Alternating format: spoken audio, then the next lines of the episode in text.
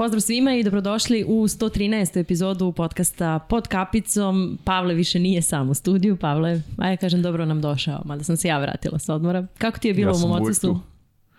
Pa dobro, šta jedna emisija sa Makom, uživao sam sa Makom, da, da, uživao sam, bila, bila lepa emisija i. Malo Super, smo, super malo smo odmarali i tokom praznika, ali sad imamo dovoljno uh, ovih aktuelnih vaterpolo tema kojim ćemo se baviti i sa našim današnjim gostom uh, i mogu da kažem možda i, epi, i u nekim epizodama nakon uh, ove. Uh, to je najviše kup Srbije i, i eto, probat ćemo već sada da, da najavimo ono što nas čeka uh, one tamo nedelje, je li tako?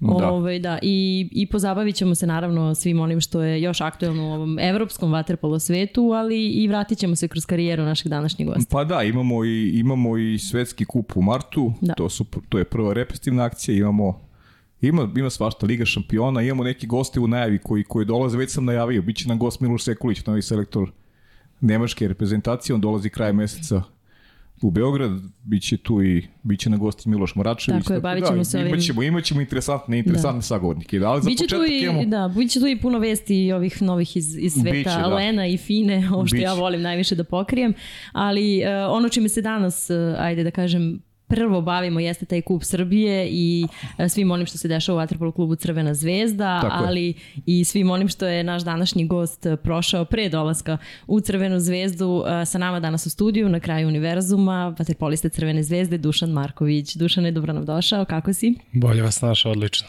Kako ste vi? Evo, dobro je, nije loš. Dobro, dobro Ja smo se- sa takvim gostom, smo uvijek Da. dobro. Ja se privikavam na radne obaveze posle odmora, a Pavle već on, on je uhodan. Ja sam u poslu. Da. Dule, hvala ti što si došao.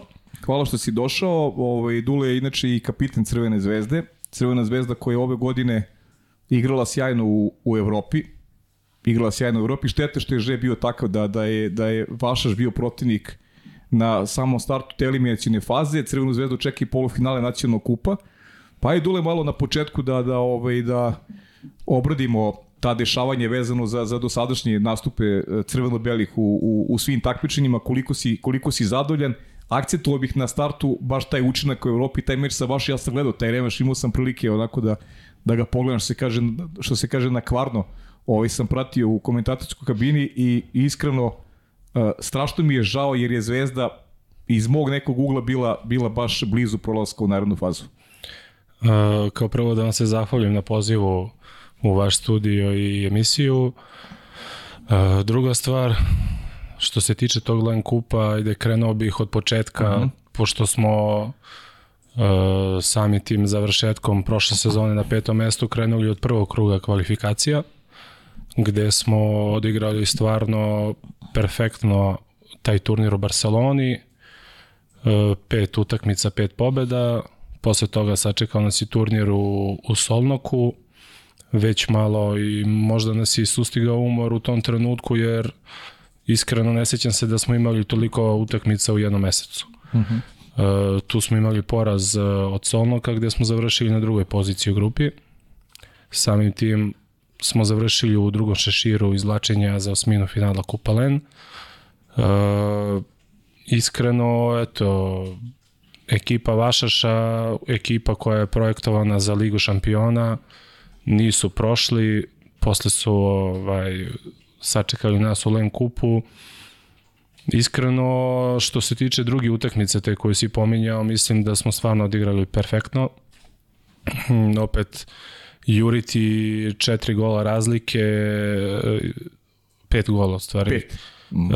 Od ekipe koja je Vašaš, gde je osnovana na, na svim najboljim mađarskim igračima, tri, tri izuzetna stranca, Sava, Bane i Draško Brguljan. Nažalost, eto, prva utakmica ja generalno nikad ne komentarišem suđenja, posebno evropska, ali ovaj stvarno utakmica gde smo masakrirani. Uh, kao što sam ti rekao, mislim da smo tri četvrtine igrali sa igrača manje. Uh -huh. Jednostavno nije nam dozvoljeno da, da kod njih kući da, da igramo tu utakmicu gde smo opet gledali da u nekom trenutku što bude manja razlika da to možemo da nadoknadimo kod kuće. Uh, vratio bi sam tu drugu utakmicu u Beogradu, stvarno prezadovoljan sam zalaganjem ekipe, uh, odlična utakmica i eto, nadam se da ćemo ponoviti takvu utakmicu već sledeći vikend da nas očekuje i finalni uh, deo Kupa Srbije. E, mora se vratim još malo na, na taj vašaš, zato što imali smo prilike svi zajedno gledamo uh, reprezentaciju Srbije na ovoj turneji uh, u Americi proti Španije i Sjedinjenih država. Bane Mitrović koji je, rekao bih, negde utakmicom proti Zvezda najavio da je u fantastičnoj formi i stvarno je Bane i dalje jedan od najboljih goma na svetu.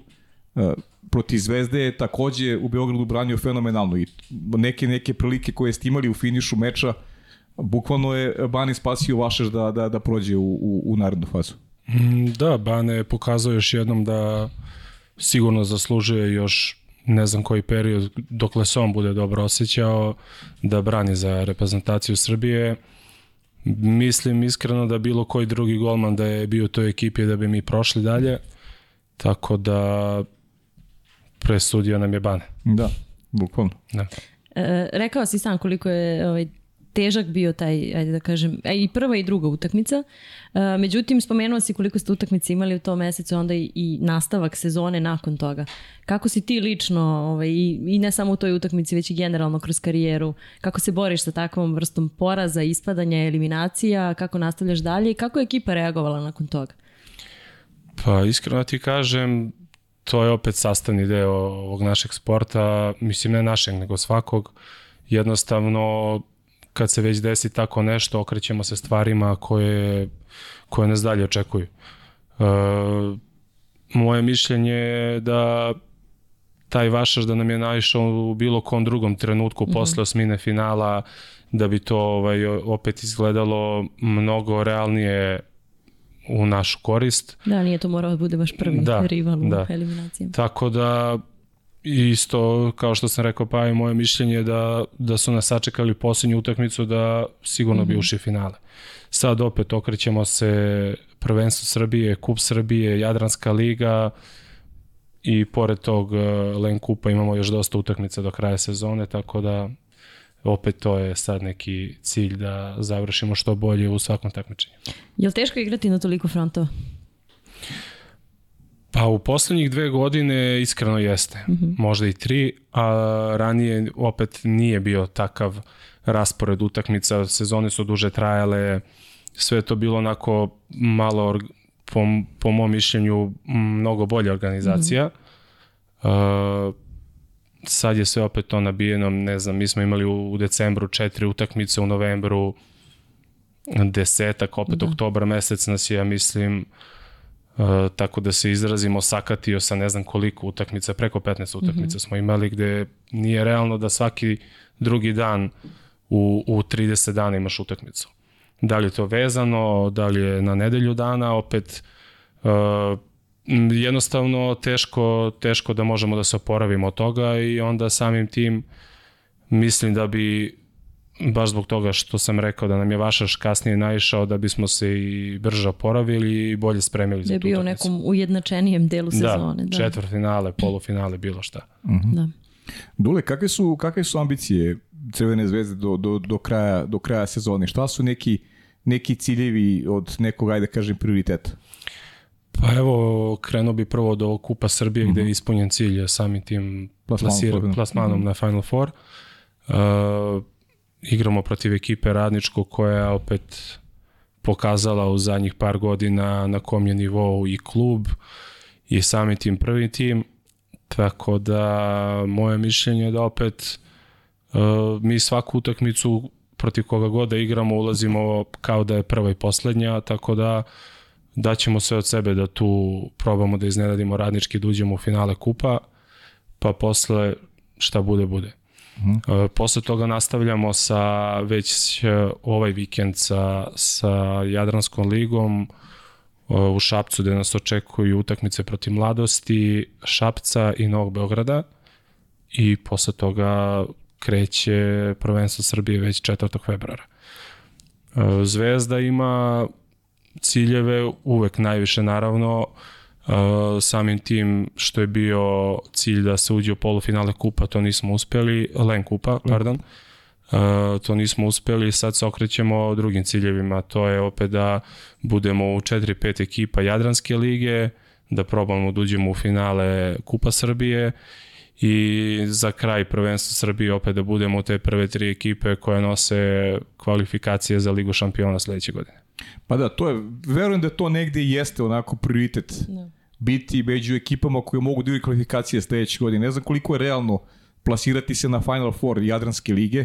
Realno, ova četiri kluba koji igra Ligu šampiona zaista odskaču negde i po nekim budžetima i, i, i, i kvalitetom tima, ali da li može Zvezda možda eto tu neko da iznenadi, pa možda tu da napravi neku, neku, neku ovaj, neko iznenađenje, a verujem da, da je pre svega cilj biti među tri ekipe najbolji u Srbiji, što, što negde je, čini mi si realno.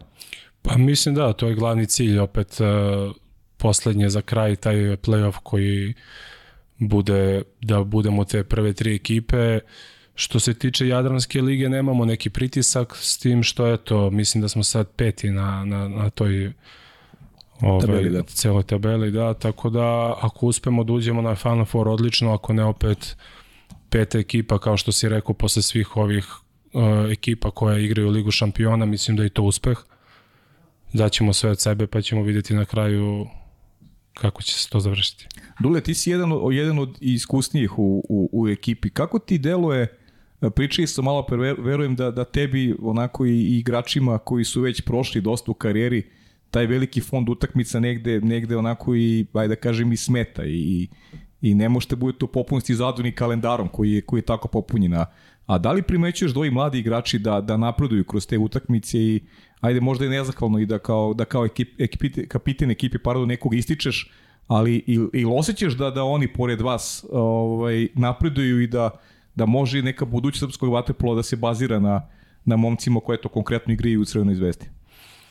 Pa moje mišljenje je da sigurno će im to koristiti jer u moje vreme kada sam imao godina koliko oni sad imaju, imali smo daleko manje utakmica nego oni sad. E, sigurno da uz neki rad e, naravno naglasio bi pored Ekija koji je bio tu do skoro, u, uz taj rad s njim i uz taj fond utakmica koji su imali da definitivno da će još biti bolji do kraja sezone. Uh, to je moje mišljenje što se tiče toga uh, povodom toga što si rekao ok, jesam jedan od iskusnijih, ali ima tu i starih igrača od mene u ekipi gde opet svi sa tim mlađim igračima i uh, kroz savete, kroz neke druge stvari na treningu, na utakmicama pokušavamo da ih da oni napreduju u svemu tome, da već sad ekipa može da se osloni na njih gde na primjer ako ne ide nekom od starijih da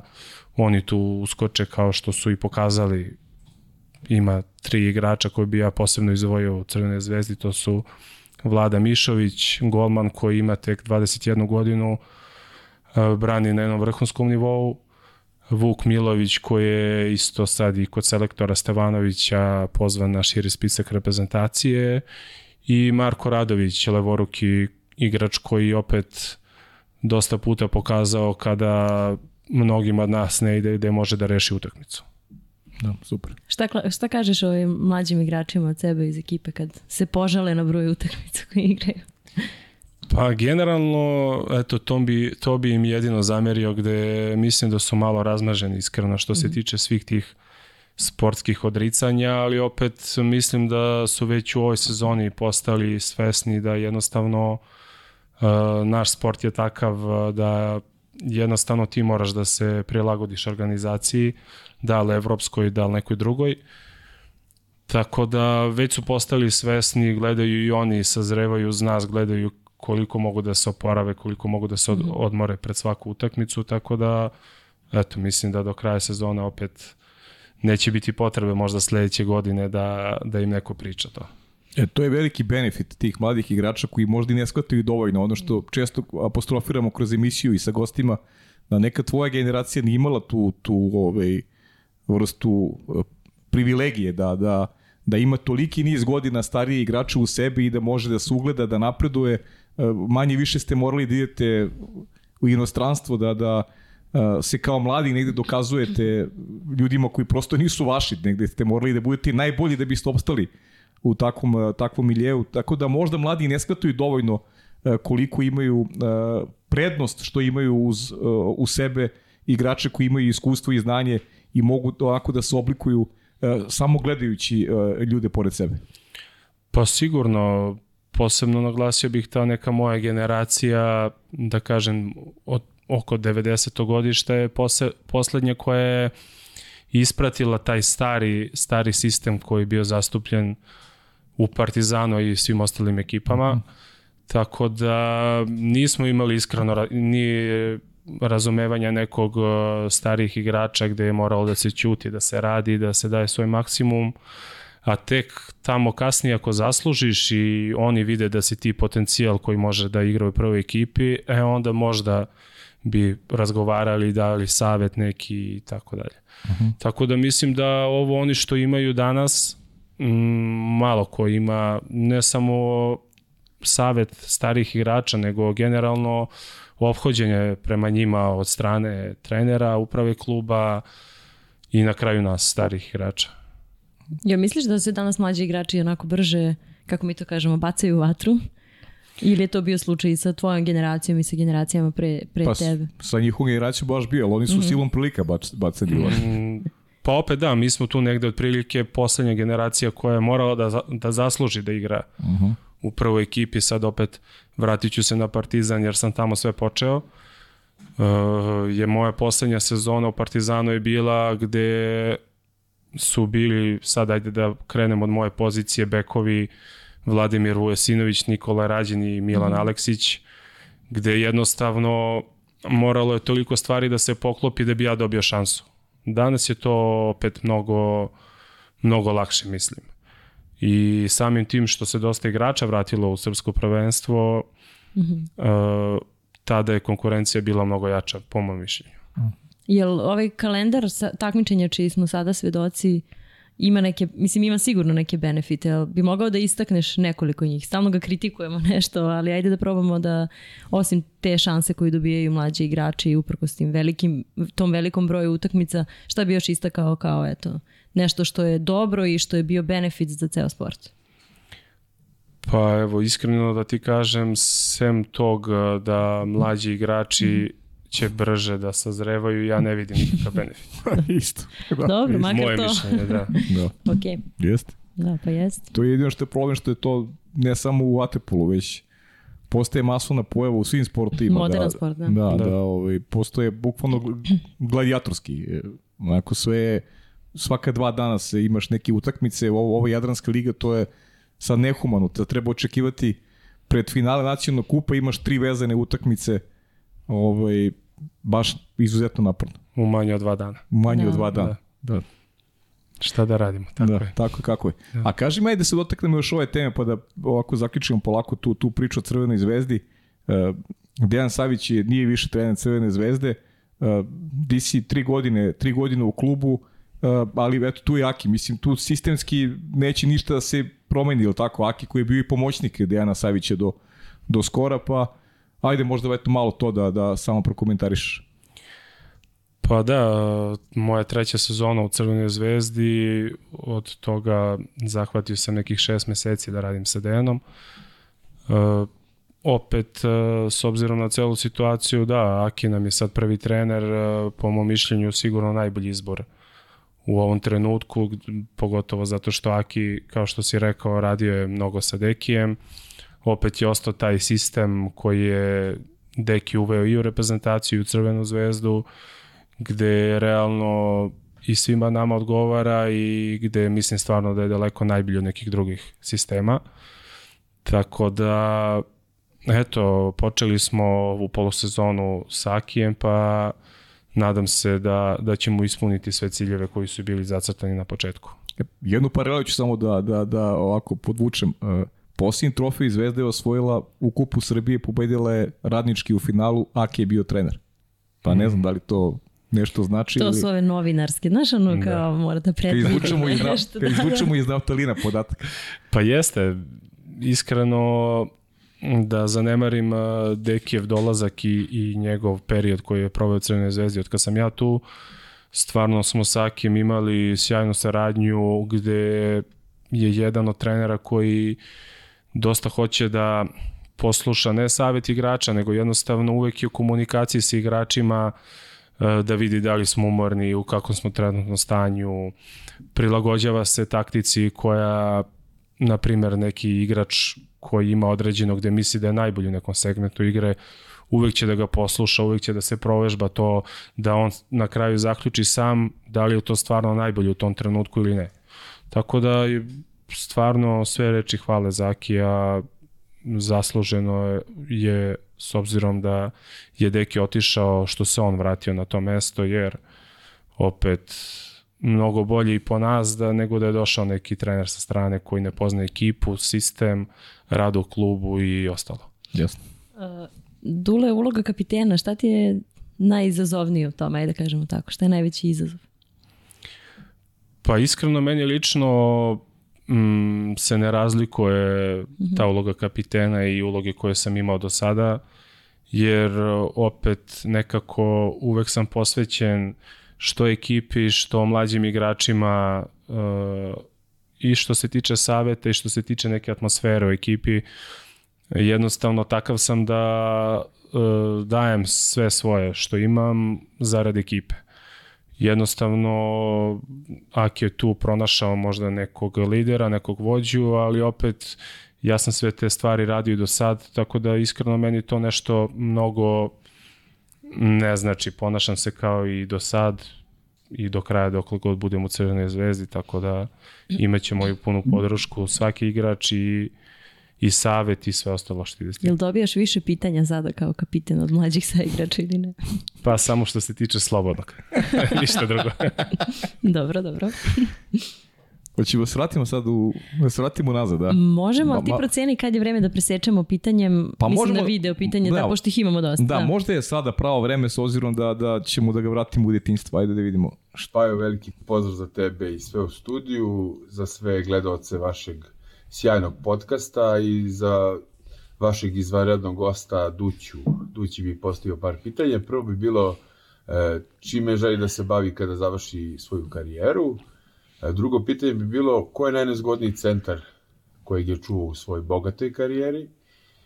I treće pitanje, iste večeri u tri kafane jedno do drugo gostuje tvoj kum Duća, gostuje Aleksandar Prijović i gostuje Baja Malik Ninja.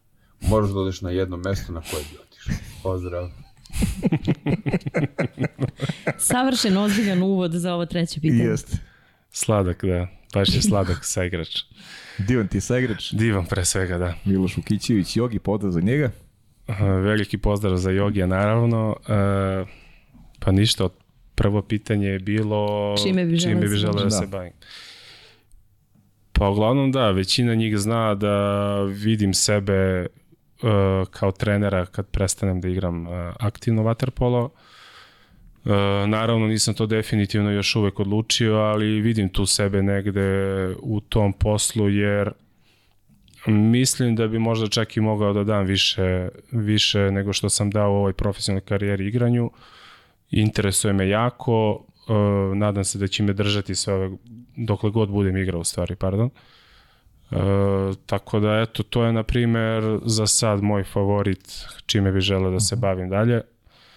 Naravno i ukoliko bude normalna situacija u, u našem prvenstvu i u našim klubovima, jer ne vidim sebe za sad da bih radio taj posao ne, negde preko inostranstva. Da, počeo bi ovde baza, pa Da. Mislim da bi tako bilo čak ugledao bi se možda na neke naše trenere da da isključivo radiš ovde. da isključivo radimo ovde, da. Sa našim igračima. Ma, to je sjajno. Da. Sad eto vidjet ćemo šta će se sve izdešavati do tada, ali eto za sad je to neki plan koji imamo u ovom trenutku. Dobro. Da. Drugo je bilo centar koga je najteže Da. čuvati. Centar koga je najteže čuvati. Pa iskreno, eto, izdvojio bih najviše Duško Pjetlović, Boris Loković. To opet, to su po mom mišljenju dva najbolja centra u zadnjih ne znam koliko godina, od kad sam ja počeo da pratim vaterpolo. Imao sam sreću da igram sa, i protiv Borisa i sa Borisom. Uh, sa Duškom nisam igrao sem u reprez, seniorskoj reprezentaciji Srbije, ali eto, sigurno dva najbolja centra današnjice gde opet odskače kvalitet u odnosu na druge, po mom mišljenju. Dobro, i ovo-. I ovo treće? I ovo treće pitanje. Treće pitanje. Treće pitanje, s obzirom da volim kafanu i, i tu vrstu izlazaka, op, uvek bih u tom trenutku slušao svog kuma koji ima svoj uh, band iz Kragujevca, tako da Izreklamiraj band, slobodno. Čekaj. Slobodno može, slobodno, slobodno može. Uh, band se zove Šebek i moj band. Uh, po mom mišljenju, iako mi je kum daleko najbolji band u Kragujevcu i šire, počeli su sad da rade i po Beogradu, tako da imaćete prilike, prvom prilikom ću da vas pozovem da zajedno oslušamo to i da date svoje mišljenje. Eto, Jogi nam je... gle Jogi čuda, nam, svi smo za stolom koji volimo kafanu. Da. Da. Jogi nam je zakazao kafanu, ni, ni kriv ni dužan. Nije ni znao, nije ni znao. Da, Ili je možda znao. da, ili je možda znao. Da, dobro. Da se zahvalim još jednom na pitanju. Da, Naročito vam divno treće. pitanje. Da. Hvala Divno, divno pitanje, da. Da, ovaj, e, hteo si da eto, presečemo ovim pitanjem pa da nastavimo, odnosno idemo da da- krenemo negde unazad. Jel? Idemo nazad, da, idemo nazad, ono, ono standardno. Zašto vaterpolo, kako vaterpolo? Je bilo afiniteta prema nekim drugim sportovima ili prosto ljubav prema vodi pobedila? Pa iskreno ljubav prema vodi nije. Uh, Iskreno? Ne volim Da. vodu kao... Iskreno? sama asocijacija je, s obzirom da sam počeo na banjici hladna voda. No. prva i poslednja verovatno, ali dobro, sve to sastavni deo ovog našeg sporta. Um, nije ni nek, bolja situacija u nekim drugim klubovima, ali ajde. Uh, kao prvo trenirao sam košarku s samim upisivanjem u, u osnovnu školu, imali smo salu pored uh, za, za basket, tako da to mi je bio prvi sport koji sam trenirao nekih šest meseci.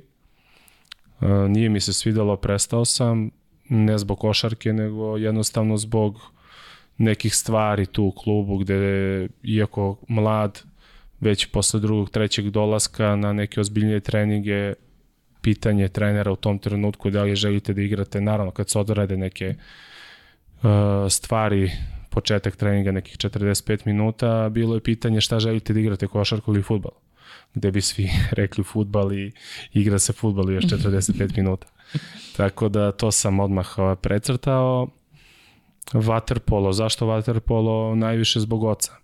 A vidiš, izvini, i tu te trener negde usmerio da razmišljaš o tome da postaneš ti trener. Kakav ćeš biti trener? Da. da, da. Vidiš, pedagoški nije odradio dobru priču. Da. Udaljio te iz sporta koji je mogao da bude tvoj. Koji da, pa eto sad kako bi se dalje to razvijalo ne znam, ali sigurno mi je pomogao da jednostavno izaberem nešto drugo.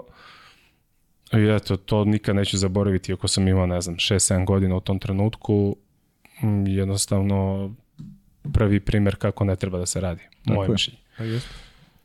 Uh, Waterpolo opet, e, eto da se vratim, mm, zbog oca najviše, otac kada je došao u, u Beograd e, da studira, preko omladinske je radio na bazenu Banjica gde je upoznao sve radnike, trenere, pošto ne znam da li znate, u tom trenutku tada 2000. godine i ranije, 95. 2000. da su opet svi ti treneri koji su treneri plivanja i waterpola imali su stalno zaposlenje na bazenu gde su provodili po ceo dan. Tako da eto to je negde uh, najviše zbog toga otac se sprijateljio i družio sa, sa tim ljudima tamo gde su ga oni više puta nagovarali da mene i mlađeg brata dovede na waterpolo i onda smo krenuli ona standardne priče godinu dana plivanje, posle ko želi na waterpolo pređe na waterpolo i tu je sve krenulo negde, mm -hmm. 98. godine. To je partizan, to je student u stvari To je- i tako kao... To je u tom trenutku Partizan, uh, da, Banjica, tu smo ži- živjeli blizu, tako da je to bilo najrealnije. Uh, mlađe kategorije, eto, ne znam, prvi trener Mirko Petrović Basanac, jedna velika legenda Banjice, gde smo učili, da kažemo, te prve vaterpolo pokrete posle tih plivanja godinu dana. posle njega Petar Popović, takođe isto jedna velika legenda Banjice.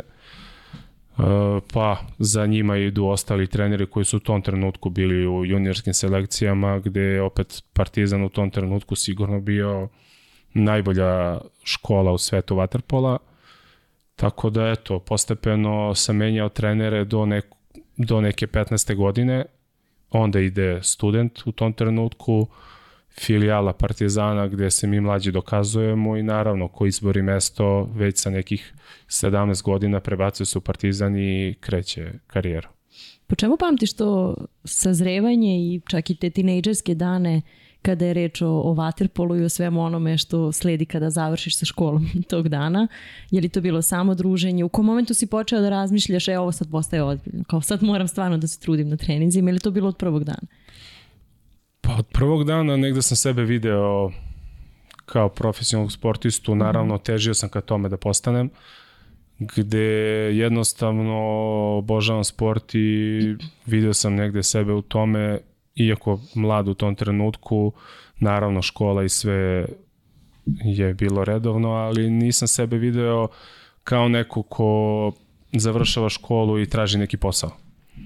Uh, video sam sebe u sportu i bio sam jednostavno hteo sam da istrajem u tome gde sam imao stvarno neke, neke situacije u toj i pre tineđerskoj uh, pre tineđerskog treniranja uh, jedan period gde sam hteo da prestanem da igram uh, waterpolo i to bih ovaj na primer sve te mlađi igrače ukratko bi ispričao priču oko toga mm -hmm, gde bi sve da, da. te mlađi igrače dao bi im postrek da ne odustaju nikad ukoliko stvarno misle da mogu da, da se oprobaju u profesionalnoj karijeri. A šta je bio razlog? Šta je, šta je u tom trenutku u glavi jednog tinejdžera ili malo starijeg od tinejdžera? Pa u tom trenutku, ovaj, opet kažem, iz svog nekog ugla, kada smo izašli iz tih generacija, da kažem, pionirskih, sastavljena je, je, pošto je bilo mnogo dece u tom trenutku, ali opet morali su da sastave zbog broja trenera dve generacije u jednu mm -hmm. ekipu. I u tom trenutku gde je opet bilo je nas dvojica, trojica da kažem koji smo odskakali od uh, ostalih igrača, dolazi jedan trener koji bez ikakvog objašnjenja, bez uh, ikakvog razloga mene odstranjuje iz ekipe gde su spojene dve generacije samim tim davajući mi do znanja da nema mesta tu za mene i da ukoliko želim da treniram dalje da uh, potražim drugi klub. Mm -hmm. Međutim, uh, Petar Popović koji je meni bio trener pre tog mm -hmm. čoveka uh, pozvao me da treniram sa mlađom generacijom Partizana, da mlađa generacija od mene godinu, dve dana, da treniram tu sa njima dok ne odlučim šta ću. Naravno, mislim, roditelji dok ne odluče, jer sam ja već u tom trenutku možda imao deseta godina. 12. Uh, prihvatio sam njegov poziv, trenirao sam nekih šest meseci sa, sa mlađom selekcijom, gde sam opet, iako mlad, pokušavao da ispravim sve te stvari koje sam ja i koji su mi treneri sugerisali da treba da ih ispravim. Radio na tom jedno pola godine. I onda u tom trenutku dolazi tu moju generaciju i generaciju stariju, 89. preuzima Darko Dovičić. Uh, negde smo tu opet svi sastavljeni, da kažem, u, u jednu ekipu, uh, kroz neki period uh, probe, ajde da tako nazovem, gde će onda odluči ko će sve biti u ekipi, ko ne. I onda opet iz tog nekog uh, nazadovanja Darko me postavlja za prvog beka te generacije 89. godište.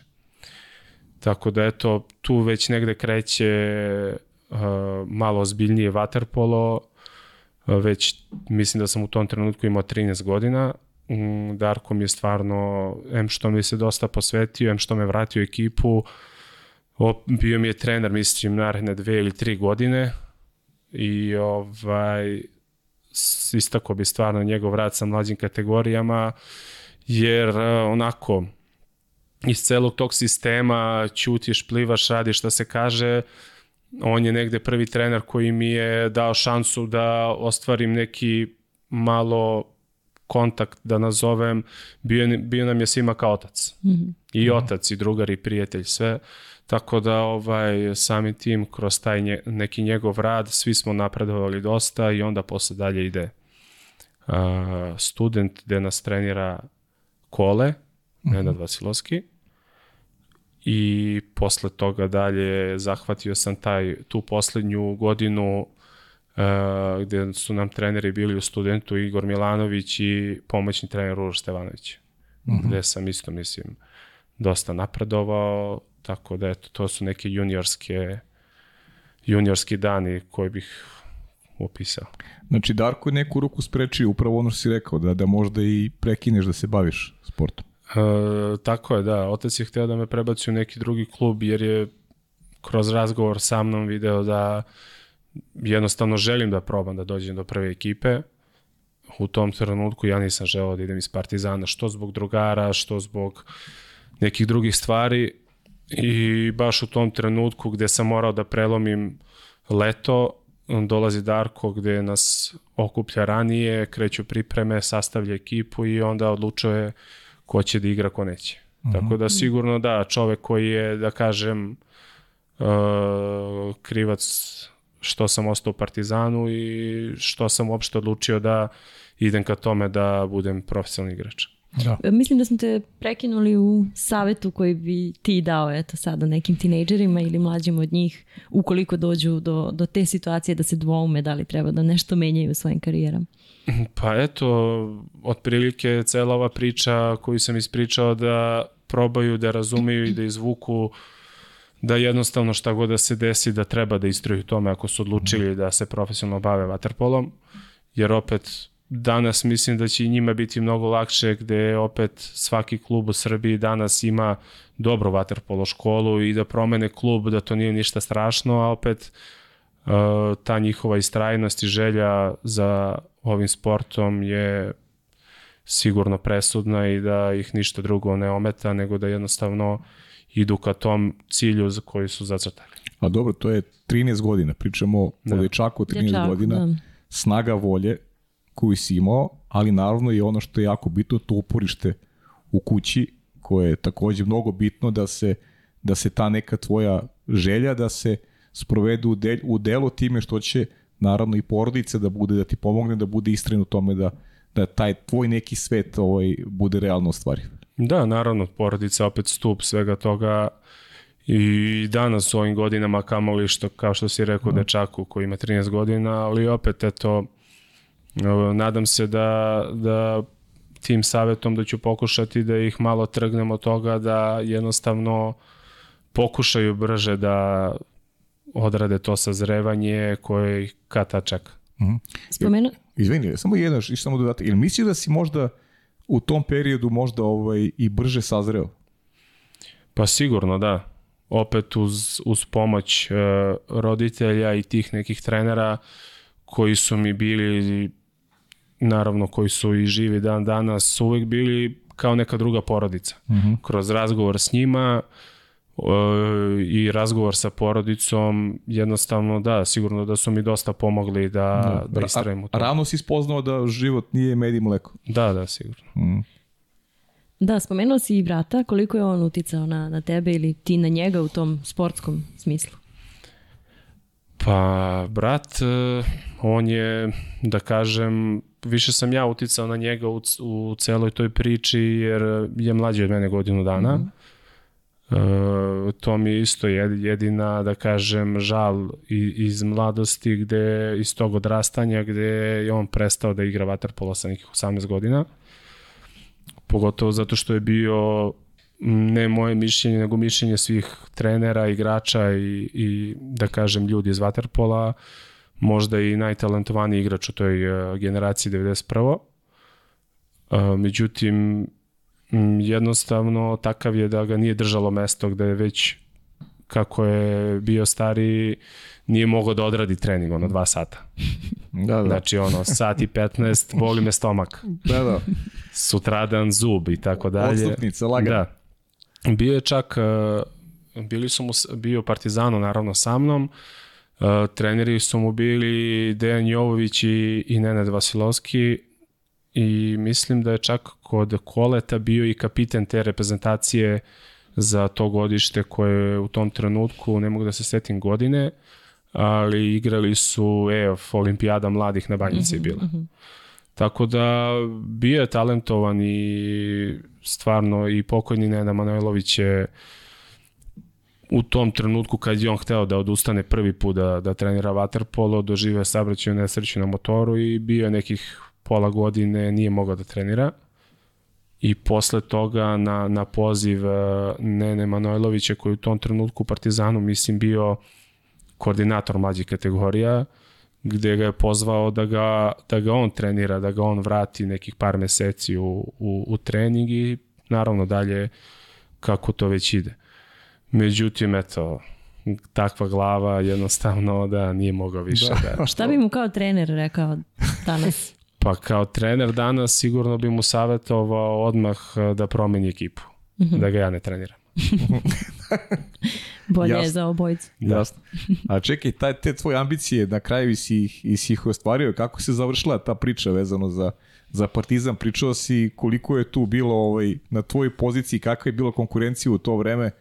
I si ovaj, uspeo da, da ovaj, ukačiš ovaj, prvi tim? Uh, pa uspeo sam da, nekih godinu dana pred, uh, pred moj odlazak u Italiju, uh, kada je Igor postao prvi trener Partizana, Igor me je poveo sa sobom u, u prvu ekipu i tu smo bili Nikola Dedović i ja, da kažem, od tih uh, igrača iz generacije. iz te generacije, iako Nikola mlađe mene dve godine. Uh, nas dvojicu je jedinu poveo sa sobom u Partizan i s obzirom, kao što si rekao, u tom trenutku konkurencije u Partizanu nismo dobijali mnogo šanci, ali mislim da to što smo dobili da smo iskoristili. Međutim, tu smo negde proveli godinu dana s njima, Nikola je ostao, uh, Igor me posavetao da bolje da odem u neki drugi klub na, na pozemicu u tom trenutku gde je u, tom, u, tom, u toj sezoni gde su bili bekovi kao što sam rekao Vlada Vujesinović, Nikola Rađen i Milan Aleksić pa naravno kroz godinu, dve dana da se vratim u klub.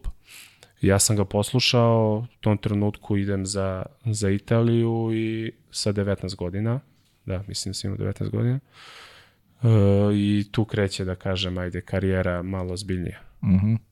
19 godina, Italija, Lazio, tako a? Tako je, prve godine Lazio, druge godine Nervi iz Dženove i onda posle toga opet povratak u Srbiju. Ajmo malo, malo Lazio, ta prva godina. Jel mogu ja samo da prekinem pre što Može. odemo u Italiju?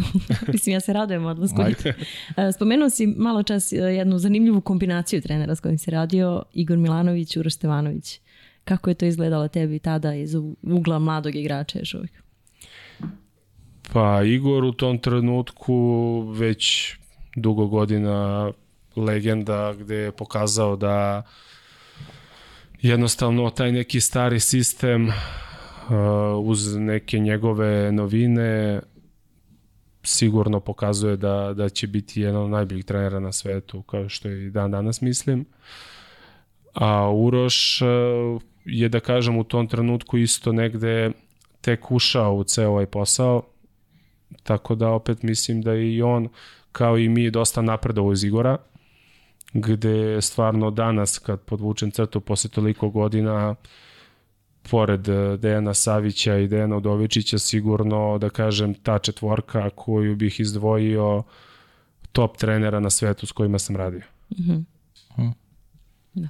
E sad možemo Italiju. znači, dobro, to je neki tvoj put kad kažeš, rekao si trenerski koji vidiš to, Dejan Savić koji je celu karijeru ovde trener, Uroš isto koji je celu karijeru trener u Srbiji, a bilo je, imao je ponud da dode, ostoje uvek ovde i u okolnostima da vodi čak ekipu u drugoj ligi, čak i to bio njemu onako jedan izazovni ovaj, posao. Ti vidiš isto sebe na taj način kao, kao trener?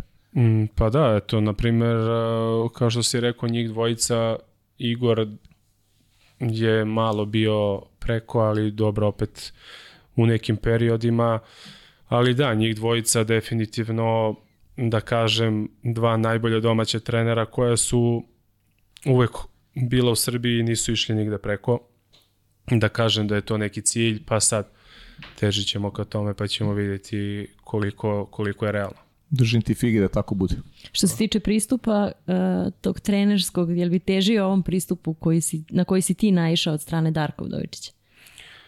Pa ukoliko bih, da, ukoliko bih krenuo sa, sa juniorima, sigurno da bih težio kroz neke stvari tom njegovom sistemu, ali opet dosta su se generacije promenile. Promenile, Da, da. mm. Tako da mislim da bi minimalno mogao da iskoristim taj njegov pristup, jer danas mislim da to vrlo lako može da ode na drugu stranu. Da. Može, Možemo da idemo do Lazio, ali aj sad, znaš, skačemo s teme na temu, zanimljivo mi je. E, ti sad pričamo o trenerskom poslu, ali koliko razmišljaš još o, o igračkoj karijeri? Koliko će onda da traje? Ili imaš sebi zacrtao neku igraću do tada ili prosto slušaš svoje telo? da mi, mi te već upisali u trenere. Da, da. Pa iskreno nisam razmišljao, vodio bi se tom drugom opcijom da dokle god se dobro osjećam, igraću. Kad osetim da jednostavno nije to to više, prekinuću tog trenutka, da li to bilo ove sezone, na kraju ove sezone, da li to bilo za 2, 3, 4, 5 godina, ne znam. Da, da, super. Ćemo sad u Rim da idemo. Može Rim. Sa 19 godina, odlazak u inostranstvo, to je ta sad, ne samo tvoje generacije, neka sudbina, već i, i starijih igrača koji su morali eto da, da se negde snalaze, što nije bilo mesta u prvom timu, ja konkurencije ili opet bila loša finanska situacija, manje, više često bila loša finanska situacija, otišao si u Rim. Sa, sed, sa 19 godina dolazi stranac, svi, gde god odiš od očekuju da bude najbolji, da pravi razliku, a dolazi neki klinac od 19 godina, kako se snalaziš u nekom, ajde kažem, novom, novom ambijentu, sa nekim novim sistemom igranja, kako si sve to prihvatio? Pa iskreno... bi- Odvajanje od porodice, naravno. Da, bilo mi je teško iskreno prvih mesec dana gde sam morao da se prilagodim celom tom novom životu, što odvajanje od porodice, što novi sistem, jezik, kao što si rekao, dolazi klinac od 19 godina gde se očekuje njega, ne znam ja šta, ja ne znam ono, gde sam uopšte. Da. Tako da težak period uh, tih prvih par meseci u Italiji što što zbog promene svega toga što jednostavno nove uloge u ekipi. Uh, iako sam imao 19 godina, očekivalo se mnogo od mene, gde opet moja pozicija takva kakva je nije sad toliko da ću ja da promenim uh, ne znam šta u napadu ekipe kao što su oni očekivali, kao što se kod njih igra. Tako da, ali ok, prilagodio sam se brzo, naučio jezik, je to isto jedna pozitivna stvar, jer vrlo, jako poznato da italijani ne pričaju nijedan drugi Da. jezik sem italijanskog. Brzo sam naučio jezik, bila je ekipa, da kažem, od 3-4 starije igrača, sve ostalo su bili približno igrači mojih godina gde smo se poznavali iz juniorskih reprezentativnih selekcija. Tako da, da kažem, u, u tim godinama pravi izbor za mene jer ono, malo sam i, i okrenuo se tome da proživim lepo tu sezonu s obzirom grad u kom sam se nalazio. I kako si, To mene kako najviše si zanima. proživao? Kako si proživao? Super, ostavio sam ceo ugovor u Rimu. Nisam zaradio. ni- Ništa. Ceo ugovor ostaje. Pa naš, naš si potrošio ugovor. Pa na svašta. Na svašta, Na svašta. Na svašta. A jesi nešto, ajde da, da, da ne pričamo o tome šta je bilo svašta, ali, ali neki sport, i si, si išao malo, i si gledao futbol neki, i si obilazio. Gledao sam futbal, obilazio Šta ti ceo je bilo? grad. Da, pa Lazio, morao si, da. Da, v, pogotovo zato što najbolji drugar iz ekipe u tom trenutku, njegov rođeni brat je bio u navijačima Lacija ozbiljno kotiran i onda... U, Niko vas nije pitao, morali Da, ste. da, da. Kao idemo na kafu, hoćemo nešto da pojedemo, ajde, počinje utakmica za sat vremena, idemo. Idemo, ajde, što da ne. Tako da, lepo, lepo iskustvo. Bio sam na dosta futbolskih utakmica, bio sam čak i na derbiju, tako da, Lazio Roma. da, stvarno sjajno iskustvo u tom trenutku tinejdžer u Rimu, sjajna stvar. Tamo sam htjela da pitam Roma ili Lazio, ali već je Ne, pa dobro, da. Lazio, Lazio se nameće kao i kao, pa dobro, zbog kluba, s klubske pripadnosti. Da. Da. Pa sad igraš za Lazio, ne igraš za Romu, malo. Pa dobro, neko naš od ranije već ima kao iz, iz tih klinačkih Da. dana. Nisam, da, od ranije nisam imao, pratio sam Juventus uvek, Mhm. Taj Ju, taj Juventus da mi je bio Taj ovaj, favorit u italijanskoj ligi, tako da kad sam već došao u Lazio, ok, nek bude Lazio. Da. Čekaj, a kaži mi ovaj, sad kad bi nam slao neku razglednicu iz Rima, šta bi nam ovaj preporučio Eto, pod uslovom da nismo bili, šta bi rekao, treba pogledati u Rimu, šta je ono što na tebe ostalo najjači utisak tih godinu dana. Pa sigurno najjači utisak taj Trastevere gde je opet najlepše, najlepše nešto od Rima, da kažemo za mlade ljude. Sta, stari deo grada gde su svi najbolji restorani i klubovi obavezno treba da se poseti. To je broj jedan. Dobro. E, samo ti kažem, ovaj, u torbi mi je magnet iz Rima, pošto sam se ja sad Mm, vratila dobro. iz Rima, pa moram ti dam posle. Dobro, hvala ti. Hvala kod ti. razglednika. Lepo što si mislila na mene. Da, da ovaj... uh, Dobro, a nervi, nervi Da, je malo, malo, Genovu. malo, je, malo je drugačija. Ovaj.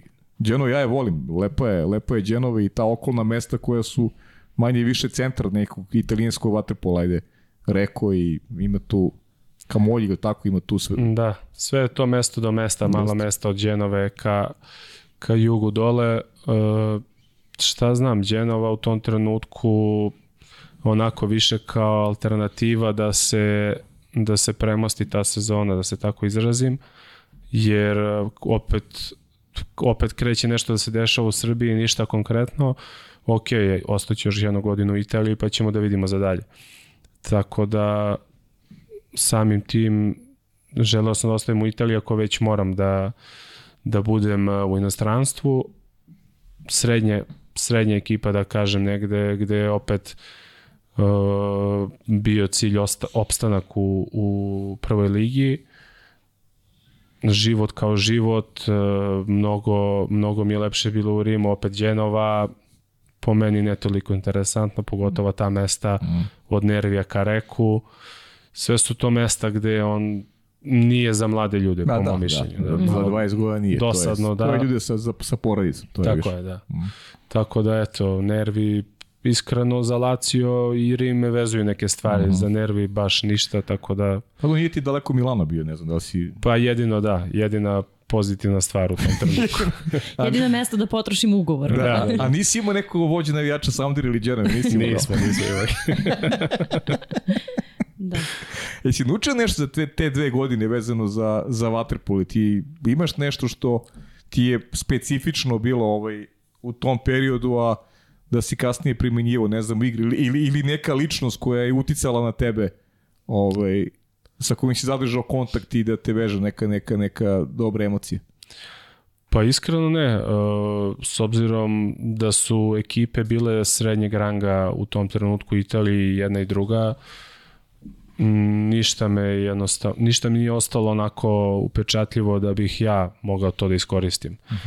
Uh čak šta više totalno suprotno od nekog našeg sistema. Da, da, pa da.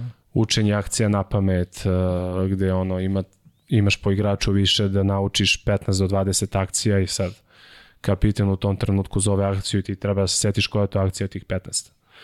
Onako ništa, malo... ništa improvizacija. Znači, ništa, sve. ne.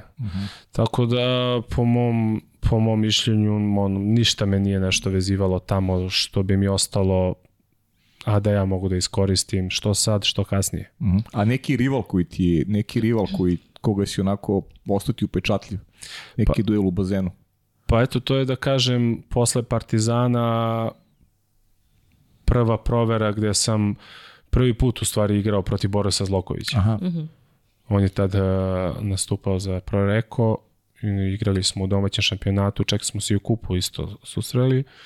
I tu mi je nekako onako ostalo, da kažem, naj, najupeče, najupečatljivije da neki duel s njim, gde sam posmatrao kako on igra, kako sam kreirajući kako treba da se odbranimo od tog njegovog napada, jer opet e, nisam imao trenere neke, ni u Laciju, ni u Nerviju, koji su mogli da me posavetuju kako odigrati protiv njega. To je neki preposlednji italijanski neki treneri. Pa da, u Nervi nam je bio dobar trener u smislu imena, to je bio Max Ferretti koji je bio godinama jedan od najboljih italijanskih catara, ali čovek koji je vodio klub, bio trener, tetkica na bazenu, sve, sve je radio što, što da. se radi i onda nije ostavio neki utisak na mene. Čak Da. skroz suprotno. Mhm. I nekih kažnjavanja zarad ostaje, o, o, da se ostavi pare u budžetu, tako da onako negativno iskustvo za mene. Viš kako se, kako se kreira trener.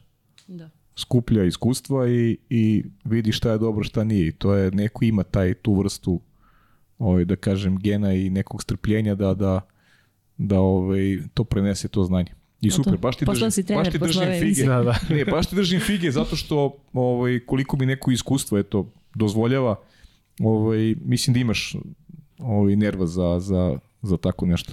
Doći ćeš nam i kao trener. evo. Doćiš nam i kao trener, Nadam se. da držimo ti baš fige. E, a, ovaj, da, vratila bi se samo, zadržala bih se na, na Italiju, s obzirom na to da je prvo, ajde da kažem, inostrano iskustvo, odlazak od kuće sa 19 godina. U tom životu van vaterpola treninga, utakmica, šta ti je bilo najteže, ajde tako ću reći? Pa, iskreno, samo to što sam bio razdvojen od porodice, ništa drugo. Jer opet u tom trenutku prvi put idem od kuće i ne znam kada ću se vratiti, koliko ću imati slobodno. Čak smo i tamo imali trenera koji je ono bio m, za nas strance, bili smo dvojica, e, ja i jedan mađar, koji isto bio ok momak, pa smo se onako držali zajedno, dosta smo vremena provodili zajedno.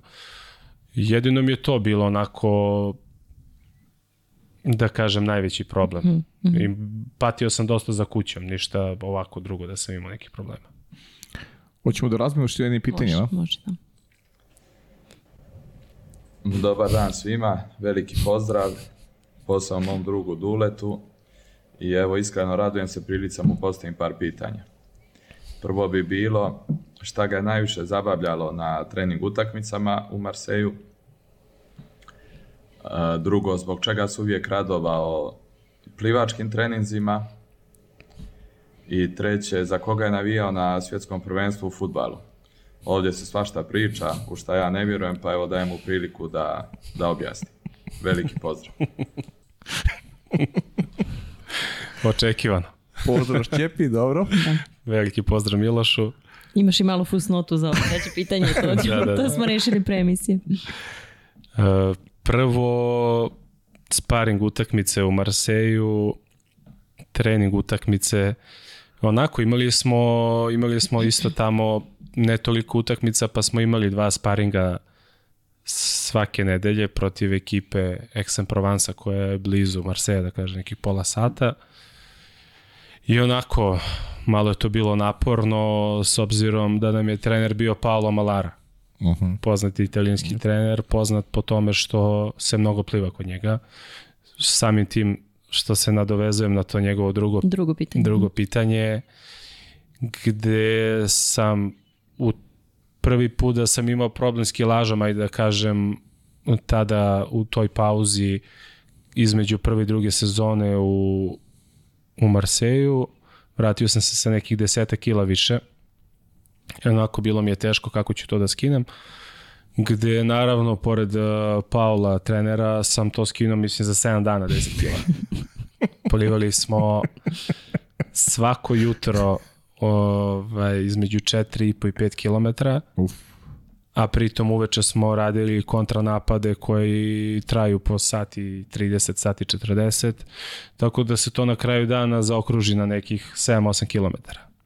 Što je po meni suludo. Ali, eto, svašta mora da se prođe. Ali dobro, bar si smrš. Smršao sam ovako ništa, lepo sam izgledao. Ja sam u stvari iz pitanja drugog zaključila da ti stvarno voliš plivanje i plivačke treninge. Pa da. Ali ovo je bilo A to ironično, kako, da. kako Miloš pita tako ozbiljno, ti Da, pomisliš da, da, je da. to stvarno uživanje. Da, da. To dobro ima autoritet trenera, to je to. Šta da radiš? Ne, to je prvi, prvi klub u koji sam došao da smo plivali po dužini. Mhm. I to nam je tako teško padalo da ono, svako jutro znaš da imaš po 50 metara da plivaš sat i 45 minuta, 2 sata, stvarno ovaj, robija prava. Baš je robio. Katastrofa. Pa tako i zvuči. I onda naravno moje druge sezone dolazi Miloš, pa naravno drugačija atmosfera, svaki dan ovaj, šala na tu stranu, pa se zaboravi to brzo. Da, da. Ovo sam Miloš, znači lepo bilo. Miloš je super momak, stvarno. Jeste, Da. Miloš je car. A ovo treće pitanje? Svetsko prvenstvo. Treće pitanje je svetsko prvenstvo. Pa onako, mm, kada sam otišao iz Francuske, iskreno, uh, imao sam planove da ostanem tamo, uh, pogotovo zato što su u tom trenutku uh, već nisam igrao za reprezentaciju Srbije, bile su neke ponude da igram za njihovu reprezentaciju, pa sam imao u planu da, da ostanem neki period duži tamo. Međutim, nismo ovaj, nastavili saradnju, nismo se dogovorili, pa sam otišao sledeću destinaciju Kazahstan. I onda onako, malo mi je Francuska ostala ne toliko pozitivno, a samo zbog načina na koji Francuska igra futbal, da, bio sam ovaj, da, da Francuska osvoji svetsko prvenstvo. Navio si za Francuza, da. Navio sam za Francuze. Da, Dobro. tu Ja- svašta se priča tamo. Da. Da. To nisam znao, eto. Pa dobro, za malo. Za malo da, za malo da prođemo. Da, pa dobro, ali pre četiri godine, može sad svaki put bude Francuska. Pa ne, nisam toliko sad nešto ovaj, eh, posvećen futbalu da ga pratim i to, ali imali smo s Dekijem naravno kao i svako veliko takmičenje Da, ono, ono, čuveno, ono čuveno vaše, da. čuveno naše i onda eto, ajde zbog toga. Ko je, po, ko je pogodio? Ima više, po, ima više. Pa, Da, želeo bih da ih pozdravim zato što ih ima malo koji su pogodili za Argentinu, ima ih čak osmorice, Čak devetorica. osmorica, Da. pa da, da, da. A za Francusku smo bili nas dvojica od 20 ljudi. Da. I onda ima ih dosta da ih ne nabrajem sad. Nemo ih nabrijaš sve, ali da. Legend. Ni Pavlu se ne sviđa, vidiš kako, kako je. Pa dobro, zato što, da, ovaj, ja sam iskreno tipu na Argentinu, ali nisam Mm. učestvovao u tome. Ali. Da. Ja iz, samo iz razloga jednog, Messi. O, inače, Da zaokruži priču. Pa da, da zaokruži priču. Da. Dobro, na stranu to. Da, kad smo već kod tih ostalih sportova, pratiš li još nešto, imaš li vremena uopšte? Pratiš Pa li košarku, košarku, da. da, koju si igrao? Košarku jedino pratim, da. Da kažem ozbiljno uz Waterpolo gde se trudim da pogledam sve utakmice i Lige šampiona ove godine. Košarka mi isto, ovaj, da kažem, njoj posvećuju najviše pažnje gde mogu da, da odgledam sve što, što imam vremena. Gde i njima stvarno skidam kapu za, Broj utakmica za i broj kalendar, utakmica. da. Ovo je sigurno i teže nego nama, sigurno. Pa nemaju pauzu kada je reč o reprezentaciji, igra se Teško igra se izmeriti to da. kome je teže, ali, ali je teško vam je svima, definitivno. Generalno sport je postao Da, da. jedna ono globalna zabava gde se uopšte ne vodi računa o tome kako će sportista da izdrži određene napore, već samo je gure i gure i gure, nek se igra, hleba i igara i, i to je to. A kad si poslednji put uhvatio košarkašku loptu u ruke? Je li tad kad si završio sa, sa košarkom ili... Pa nisam, uvek smo imali akcije neke kroz taj pripremni period pred sezonu. Uh, sa nekim smo sad imali ovaj, u septembru, pošto smo zbog juniorskog uh, svetskog prvenstva igrali, uh, trenirali pardon, na, na Košutnjaku i onda smo posle tih treninga plivačkih imali malo basket da igramo futbal šta smo hteli, tako da s vremena na vreme uzmem loptu. Koji si poziciji igrao? Izabereš basket. Pa u tom trenutku sam bio klinac, nije mm -hmm. bilo pozicija, mm -hmm. više to bilo neka zabava. Školica, da. Školica sporta, za, čisto da se mi malo zabavljamo. Ko hoće da nastavi, naravno nastavi, ko ne kao ja, ide nešto drugo. Da. Dobro. Dule, prođe taj, taj period italijanski i, ovaj, i ti se vraćaš u srpski vaterpolo, vraćaš se u onaj projekat radničko koji je stvarno bio veliki projekat u smislu igrača koji su igrali, u smislu i rezultata, pa u smislu i tih derbija koji su bili i sa Crvenom zvezdom, bio i Partizan. Ako se ne veram u jednoj sezoni baš jak, pa, pa je tu bila konkurencija konkurencija dobra. I je to možda period kada onako dobijaš možda i najbolju priliku da, da se ovaj u tom klubskom, pričamo ka, kasnije u reprezentativnoj karijeri, u toj klubskoj karijeri da se ovaj da se dokažeš u pravom smislu te reči. Pa da, posle Italije na poziv radničkog vraćam se, vraćam se u srpsko prvenstvo gde vr, ka, u, u kasnom trenutku se pravi ekipa već negde oko tek negde oko 10. augusta ja mislim da smo krenuli da dobijamo pozive i tu bih veliku zahvalnost odao uh, Neni Majnoloviću pokojnom koji mi je koji me je preporučio klubu da treba da me uzme i posle toga oni mene pozivaju i naravno brzo smo se dogovorili samim tim kad sam čuo ko će sve doći u radnički. Da. Uh, sigurno i najlepši, najlepši deo moje karijere i zbog toga što sam, da kažem, sa 22 godine došao u Kragujevac i zbog toga i zbog toga s kim sam trenirao, s kim sam igrao.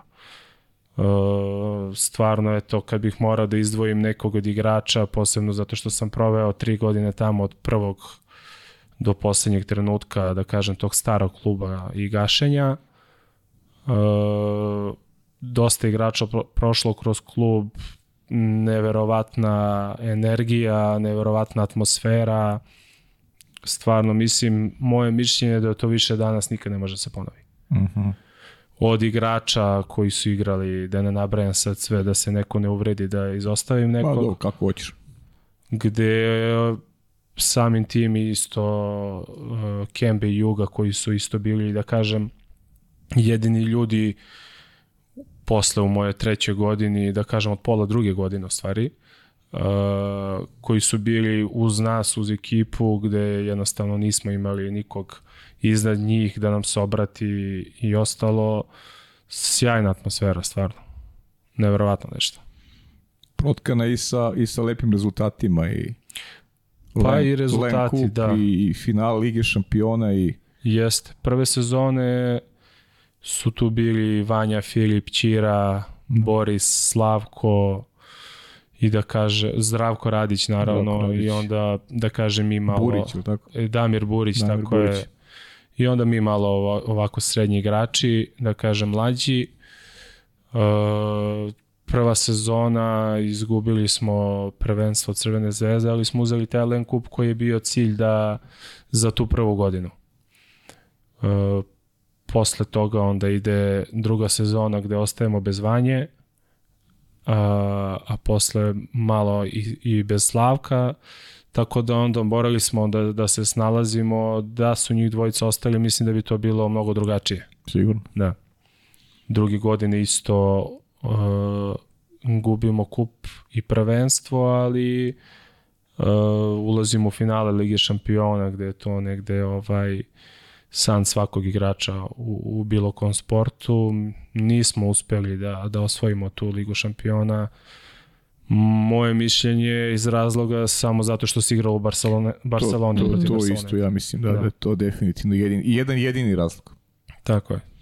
Kako pamtiš to, ajde malo da evociramo us, uspomene, to ti ipak prvi trofej veliki koji su osvojio Len Kup i finale, po čemu ih pamtiš, ovaj, osim eto po tom, po suđenju, nažalost, tom finalu, ali ali ajde malo nešto, nešto, nešto iz tvog ugla, ovaj, ima neke, neke zanimljivosti koje bi podelio sa nama. Pa Len Kup e, iskreno e, bila je toliko jaka ekipa da smo se prošetali kroz, kroz to takmičenje. E, U finalu smo igrali sa Firencom koja je u tom trenutku bila prosečna italijanska ekipa. Tako da, ali opet prvi trofej, prva godina kluba, sigurno sjajna, sjajna atmosfera za, za ono što će nas čekati u drugoj godini.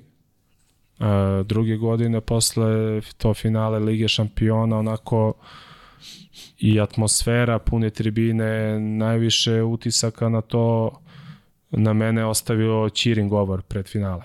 Mm -hmm. To je opet nešto što jedan od mojih idola kog sam upoznao prvi put u Kragujevcu gde uvek se setim pred svaku utakmicu tog njegovog govora i nakon to mi bude motivacija za svaku utakmicu koja mi koja nam sledi. Pa možda ga parafraziraš. Bardea, da. Da. Pa iskreno e, ne znam da li, da li bi bilo ok da to Aha, ispričam ok, ovde, ok, ali mogu da vam nekako prepričam da je to bukvalno bilo nakon situacija gde smo svi u, u balonu, u prolazu ko, iz kog idemo na predstavljanje, gde stojimo sa jedne strane mi, sa druge strane Barcelon, Barceloneta i naravno sudije ispred. Uh -huh. Gde Ćira kreće da nama drži govor onako u vrsti e, šta će sve da nas čeka na utakmici, kakvi treba da budemo i gde sudija daje znak da se izlazi na predstavljanje i u jednom trenutku on toliko je stvari rekao gde mi svi se gledamo između sebe kao da ulazimo u rat. Mhm. I to je negde stvar koja će ono ostati sigurno zaovek u mojoj glavi kako treba igrači da se pripreme pred utakmicu koja predstoji. Da li je to laka, srednja ili neka najjača utakmica, ali jednostavno to je primer igrača koji koji je vojnik, koji ide svaku utakmicu da, da pogine ko treba. Da, da. Pa dobro, hrabrost je, hrabrost je poginuli. Tako je. Da. Na kraju, da. I nevjerovatno kako zvuči mi makar tako kada pričaš o tome koliko je ta zdrava sredina i, i zdravi odnosi između svih vas, koliko je sve to bilo važno u stvari. Ne samo rezultatski, nego i za taj neki, ajde da kažem, vaš svakodnevni život u bazenu, van bazena i tako dalje. Koliko ti je to prijalo, koliko, koliko ti generalno ovaj, je to bitno naspram možda nekih, ajde, i rezultata koji će brzo doći ili individualnih igračkih kvaliteta ili toga ko je trener i tako dalje. Pa da, rezultati tek dolaze na kraju sezone, pa kad se podvuče crta se proceni da li je bila uspešna sezona ili nije. Ali sama ta atmosfera uh, te prve godine u Kragujevcu je bila stvarno nešto posebno što bih žela svakom igraču da doživi. Jednostavno dolazi 15 novih igrača u tom trenutku i zbog krize što u Italiji, što u drugim zemljama, vraćaju se svi najbolji igrači mm -hmm. srpski i naravno stranci. Uh, Boris uh, Burić i, i Zdravko Radić, njih trojica su bili stranci te godine. I onako, kako da vam objasnim, dolazimo u grad u Srbiji, a opet dolazimo svi sami. Uh, njima su svima porodice bile u Beogradu, koji iz Beograda, koji iz nekog drugog grada kod kuće i onako po ceo dan provodimo zajedno. I to je bilo za mene u tom trenutku odrastanja da svaki dan provodim ne samo na treningu, nego i van treninga sa takvim ljudima i takvim igračima sigurno iskustvo za, za ceo život. Kao porodica. Druga. Da, da. Sigurno kao porodica. Jeste ostavili ugovore u Kragujevcu kao i u Rimu što si ostavili? Pa u Kragujevcu nisam imao šta da ostavim. znači ostavio si na neki loša, način da, ipak. to je, to, Ostavio je, to je sam ona, neki drugi način, To je da. ona loša strana priče, da. Nažalost. Da. Da. Ne bih se puno osvrtao Ok, na to, da, ali m, krivo mi je samo zbog toga što je se ugasila neka priča koja je mogla da, da potraje i koji su posle Kembe i Juga nastavili naravno na svojim leđima da, da podignu novi klub, da budu to danas što jesu. Dobro, u krajnjem slučaju ima je tih lepih, lepših uspomena. Eto, pričamo o kumu s početka emisije. Da. Iz Da. da. Upozna si neke, neke nove, neke divne ljude. Da, da. Na čije svirke ideš i Da, dalje. sredina Da, koja je zaista sjajna. I, Sjajna, sjajna sredina stvarno i Kragujevčani kao ljudi koji su nas prihvatili, opet dolaze neki novi ljudi, e, naravno dosta, dosta para je tu, da kažem, u javnosti e, postavljeno kao da ćemo mi da primimo, opet e, ne znam koliko bi neki drugi grad u tom trenutku da dolazi neki, da ljudi tamo prvo sklapaju kraj sa krajem, a dolaze neki ljudi za ne znam koje ugovore. I opet svaka sredina, ne verujem da bi toliko pozitivno to iznela kao što su Kragujevčani. A imali ste Da. podršku, da. Imali smo podršku svaku utakmicu i na bazenu i kao što sam rekao, s obzirom da smo svi bili tamo sami, svaki dan neka kafa u gradu, negde ljudi su nas pozdravljali, javljali se, mm. pružali podrške, stvarno izveredan grad, sredina i takav grad zaslužuje da, da ima vrhunske sportove. Da, i ono što je onako lepa propaganda Waterpola je bila tih godina i, i ta finala sa, sa Crvenom Sa Zvezdom. zvezdom pre svega i, i onaj gol Šefika s gola na gol i mnogo se pričalo o Waterpolu u, u tom periodu. Obično se ovde o Waterpolu govorilo ovaj, kada reprezentacija nešto napravi, a neko klubski Waterpolu nije dobio tu vrstu eh, tu vrstu publiciteta, pa verujem da si i zbog toga onako uživao u toj atmosferi koja, koja je pratila sve, sve te utakmice. Pa sigurno da, s obzirom da, da kažemo da je ranije od tih ozbiljnih uh, klubova postaje samo Partizan. U tom trenutku uh, d- država i sponzori kreću da, da ulažu u waterpolo i onda dobijaš odjednom tri ekipe. Partizan koji isto u tom trenutku na visokom nivou, uh, zvezde i radnički koji kreću da prave neke svoje priče i ozbiljne rezultate. Tako da mislim da da u tom periodu da smo samo opravdali to što se toliko pričalo o Waterpolu u Srbiji. Dule, nažalost, e, onako, mnoge lepe stvari i nestanu vrlo brzo ovaj, izblede, pa tako i radnički je završio svoju priču kako jeste. E, trebalo je nastaviti karijeru i opet negde ideš iz početka. I sledeća neka destinacija je Oradea. Ideš u, ideš u Rumuniju, pa ajde malo nam evociraju uspomene na, na, na tu Rumuniju, kako se to odigralo, s kim si tamo delio dobro i zlo i kako je to izgledalo? Pa da, čim se završilo to sa radničkim, krenuli smo iz tog trenutka svi da dobijamo ponude raznih kluba u inostranstvu, zato što je to, svi su znali da će ovde u, u tom trenutku da sve to padne na malo, malo lošiji nivo. Oradea u Aradeu dolazim na, na poziv uh, Gojka Pjetlovića i Vojislava Čupića koji su u tom trenutku već ja mislim druga ili treća godina tamo. Uh, blizu Srbije stabilan klub igra Evropu, da Len Kup, da kvalifikacije za Ligu šampiona i onako u tom trenutku najbolja ponuda koju sam imao odlazim tamo gde naravno najviše zbog njih dvojice. Sa Vojem se znam i od ranije, igrali smo prvu godinu da. zajedno u Radničkom, sa Gojkom se znam samo iz, eh, iz reprezentacije i onda pristajem da odem tamo i opet uh, sigurno pravi potez gde smo imali i dobru atmosferu i, i uspešnu igrači isto u tom trenutku svi, svi reprezentativci Rumunije su bili s nama u ekipi koji su isto odlični momci Tako da, lepo iskustvo, lepi godinu dana, mogu da kažem samo pozitivne stvari za Rodeo. Da ti ne pitam za život, mislim, tu verovatno nema nekog spektakla kao, u, kao u Rimu, a? To je pa, neka granica sa Mađarskom, je tako? Da, Rodeo je grad uh, blizu Debrecina na granici Rumunija-Mađarska, 350 km od Beograda, mislim, tako da nije daleko ni od kuće i onda onako, Nije Rim, ali nije bilo ni loše, ajde, da, da, zato što je bila dobra ekipa, pa onda gradi ne ide to, mhm. toliko u prvi plan. Ja, kaži mi šta se dešava sa rumunskim vaterpolom generalno? Uh, ono, ja pamtim ono kao, kao, ajde da kažem, klinac. Ovo, oni su znali da naprave dobre rezultate, osvali su svoje vremeno, mislim, u Beogradu su bili četvrti recimo na, na evropskom prvenstvu uh, 2000 i, 2006. godine, a znali su u četvrfinalima da namuče te velike vaterpolo, vaterpolo sile, međutim, nema ih na mapi posljednjih e, deseta godina, nije to više ta ekipa. Šta se dešava? Znam da ulažu, imaju i Rodeo, imaju STU, međutim, taj neki, to neko ulaganje, rekao bi da ne prati, ne prati kvalitet makar nacionalnog tima.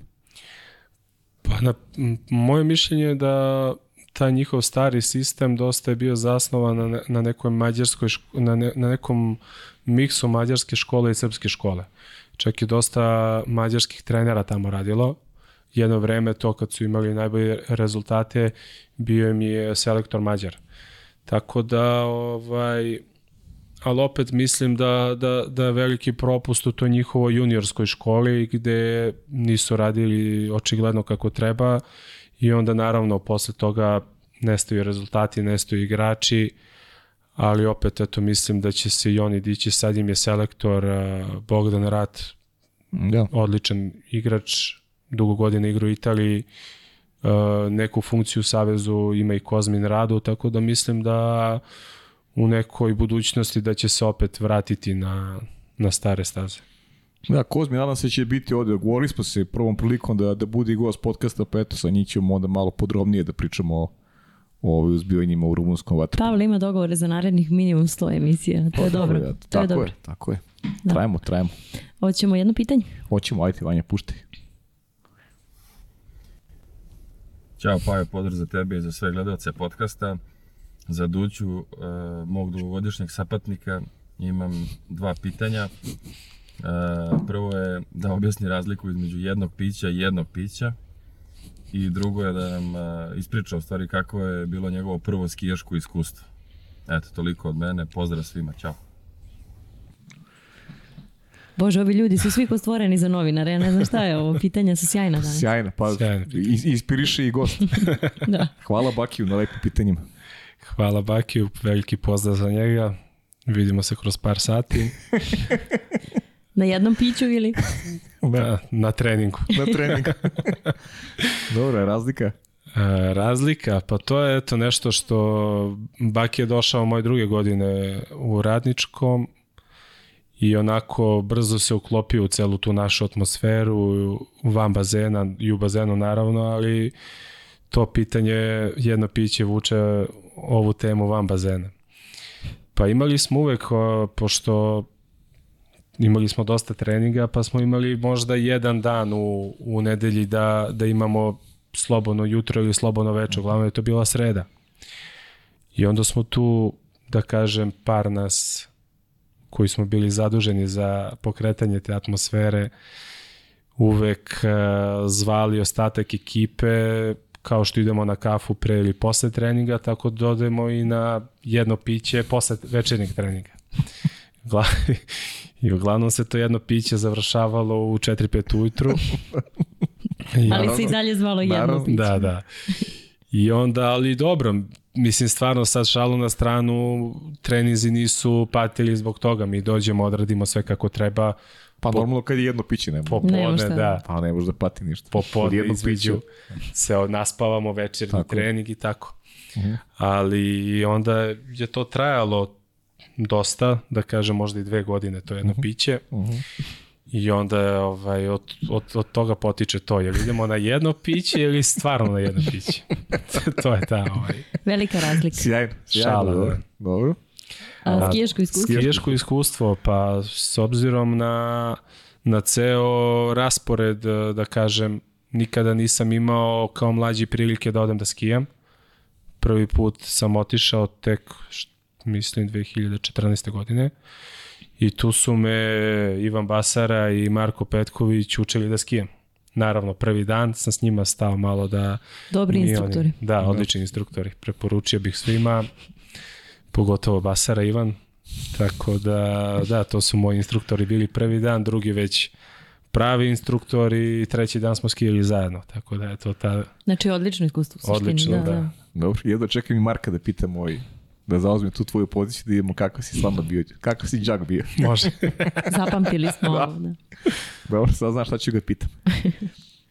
Gde smo mi stali? Uh, Do Radea. Da, završili smo Radeo ili... I onda idemo u Marsej. Onda Da. idemo u Marsej.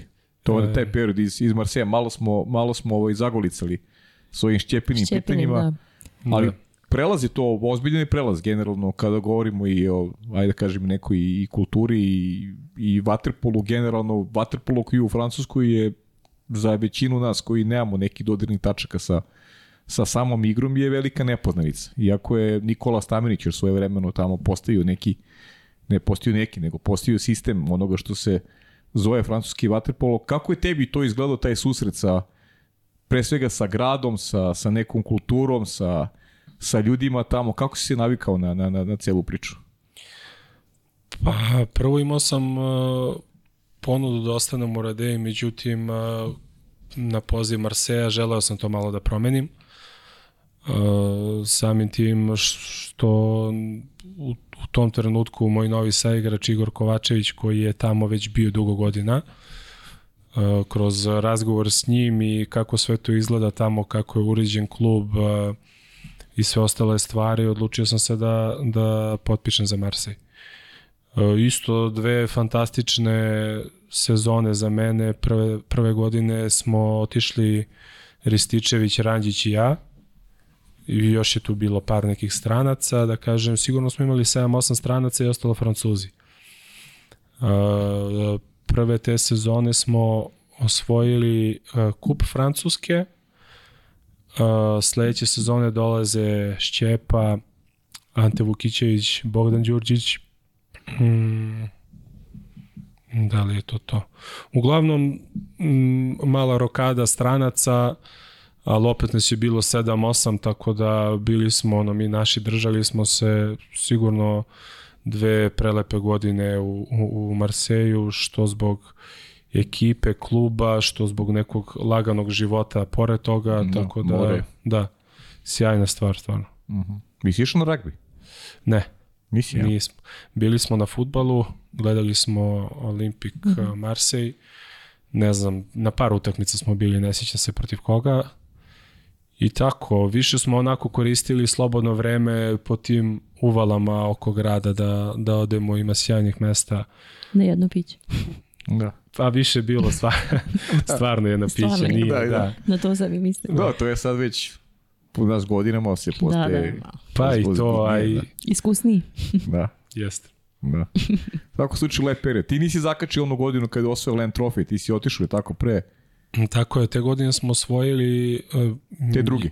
Te druge godine smo osvojili e, prvenstvo Francuske. E, Posle toga sam otišao za Kazahstan.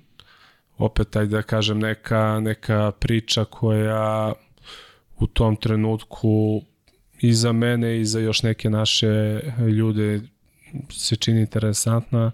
Otišli smo zajedno, Dejan Stanović, Srđan Vuksanović i ja, da probamo da pomognemo i njima da stave vaterpolo na neki viši nivo i naravno zbog najviše zbog odlaska na olimpijadu u Tokio.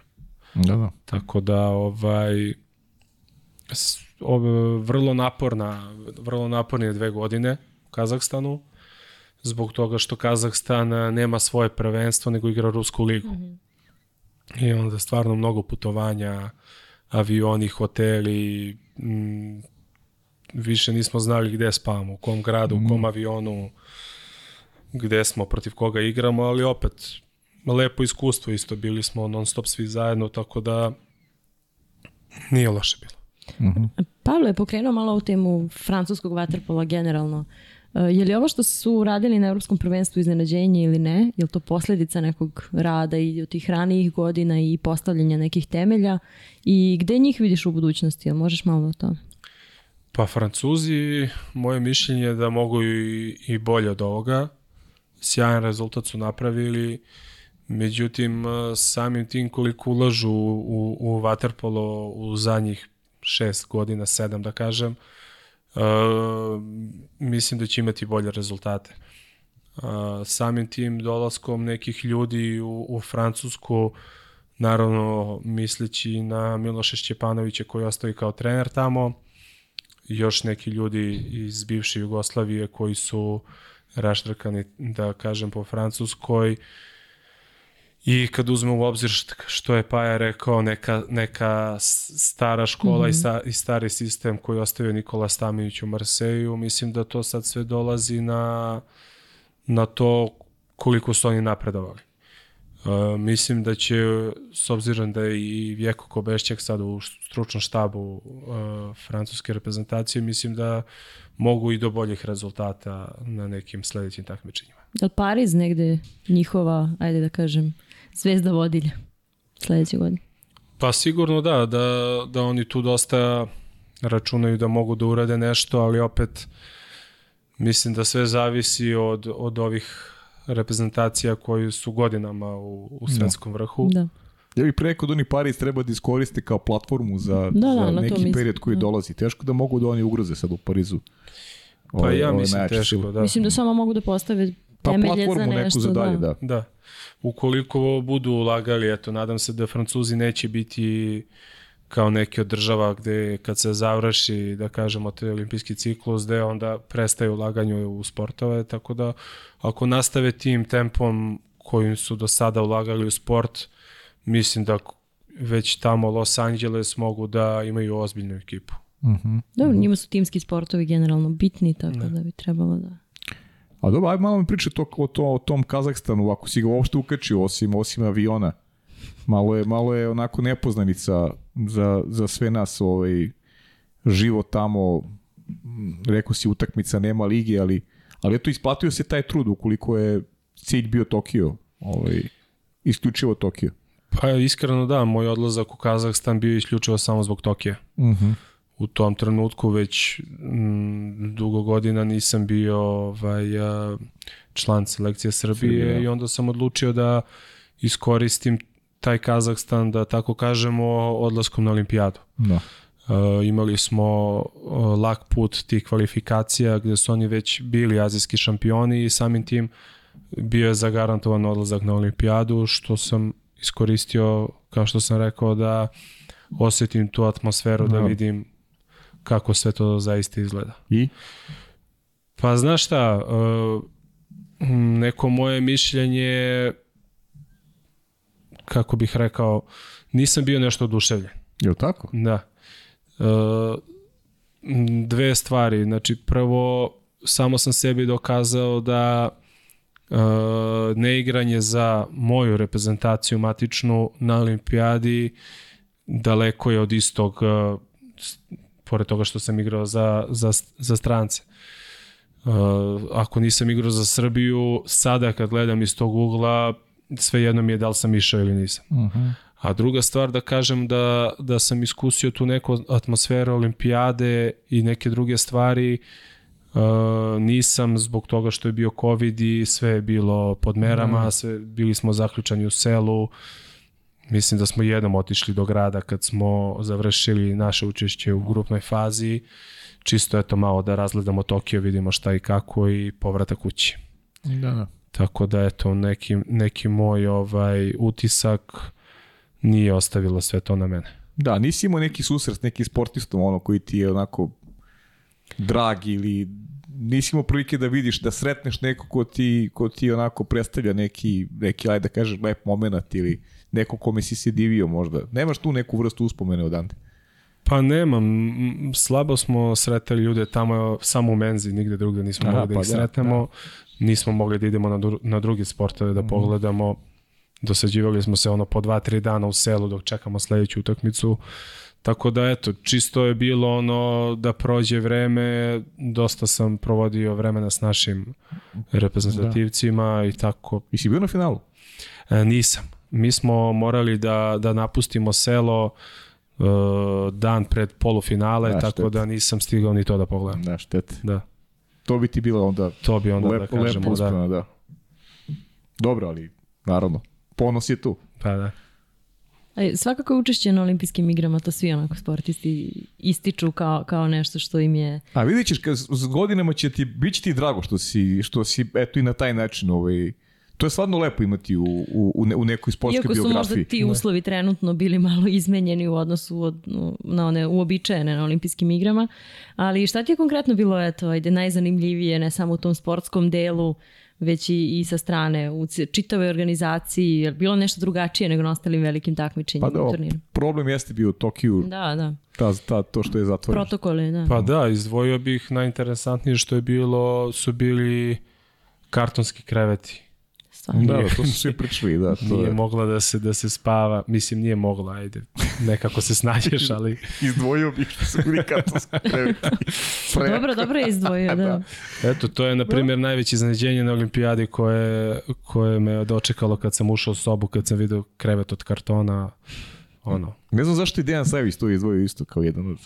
Pa Nije možda je spavao na balkonu, nemam pojma. Možda zato. Možda zato. I njemu je to bio jak doživ. Tako da, ne znam, ali eto, stvarno kad sve te neke utiske stavim na gomilu, mm, nadam se da, kao što kaže Paja, da će možda tek kroz neku godinu kad mi se sve to slegne, pa da kažemo da je bilo neko iskustvo, ali za mene lično, eto, kao i svako takmičenje koje sam, koje sam imao. Jel imat ćeš kao trener bolje iskustvo, da. Nadam se. U normalnim uslovima. U normalnom Da. mislim. Da jednom četvrto pitanje, Vanja. Pozdrav svim gledalcima e, podcasta pod kapicom. Takođe imamo u studiju. Imam za Dušana dva pitanja. Prvo pitanje je koji je koji ti u karijeri do sada bio ajde kažem najgluplji trening, da li je to u bliskoj prošlosti ili dalekoj prošlosti. I drugo pitanje kako se osjeća kao kapiten Crvene zvezde. Pozdrav. Hvala, Nikolija. Hvala Nikoli puno na pitanjima. Ovaj, prvo pitanje je jako teško. Ima ih dosta. I dosta, da. Htjela sam kažem stoni plivački ili... Pa, stvarno, eto, ne, znam, ne bih mogao da izdvojim posebno neki najgluplji trening u, u, u skorije vreme, pogotovo zato što, na primjer, meni su ti treninzi na dan utakmice najgluplji, zato što, ne znam, prelazim 10 km da dođem da bi skočio 15 minuta u vodu. To mi je tu, na primjer, onako nešto naj, možda će biti drugačije kasnije, ali u ovom trenutku, na primer, meni ne znači ništa taj trening da dođem da skočim na dan utakmice. Više volim da dođem ranije na bazen pred utakmicu, da se da lepo se pripremiš. pripremim za sve što me čeka. Tako da, eto, taj trening koristimo najviše zbog kafe, eto, da se ispričamo, popijemo kafu, jedno piće i nazad kući, na odmaranje. A drugo pitanje, pa mislim ono, što, kao što sam ti rekao, o, ne, ne osjećam nikakvu promenu, sve mi je isto, jednostavno takav sam da polazim uvek od toga da, da se posvetim maksimalno ekipi, sa igračima, klubu, tako da ne gledam na to uopšte Da. kao neku promenu. Da, ne, to zvanje ti ne, Ne znači daje, ništa, ne da. znači ništa. E, šlagvor za narednu temu si sam dao, ova priča Kazahstanu i učešću na olimpijskim igrama. E, onako javnost koja prati vaterpolo zna da si ti u tim juniorskim danima ovaj, sa Srbijom, sa reprezentacijom osvajao bukvalno sve trofeje, i evropski šampioni i svetski šampioni. Pa je malo te vratilo na taj period da posjetiš generaciju sa kojom si igrao i koje ti od tih takmičenja nekako najdraže i uh, šta se odvijelo u tom procesu uh, prelaska iz tog, tog juniorskog tima u onaj najbolji državni tim, A državni tim, kako se to i zove. Uh, pa da, pod, pod juniorskom, da kažem, nekom mm, najlepšom u tom trenutku sigurno da prvi trofej, pogotovo zato što selektor juniorske selekcije je tada bio Darko Dovičić, opet se srećemo posle nekog perioda, koji je u tom trenutku selektor juniorske reprezentacije Srbije 87. godište, a, imaju evropsko prvenstvo koje treba da se drži u Oradeji i poziva mene, Marka Petkovića, Luku Šaponjića kao neke najmlađe igrače koji kroz godinu, dve dana treba da budu okosnica te uh, reprezentacije 89. i 90. godište. Tako da, eto, na primer, sigurno jedan od najdražih trofeja je prvo osvojeno evropsko prvenstvo za juniorsku reprezentaciju i naravno samim tim zato što sam u ekipi bio prvi put sa Filipom Filipovićem i Andrijom Prolinovićem. Tu je bio i naravno Stefan Mitrović, Đole Bašić, da kažem četiri najiskusniji igrača u tom trenutku gde smo već polako počeli da, da kro, pored njih napredujemo i kao igrači i da stasamo kao osobe, tako da eto možda naj, najdraži juniorski trofej. Da, da. Posle toga uh, imamo godinu dana kasnije pripreme za naše, za naše godište, za našu selekciju.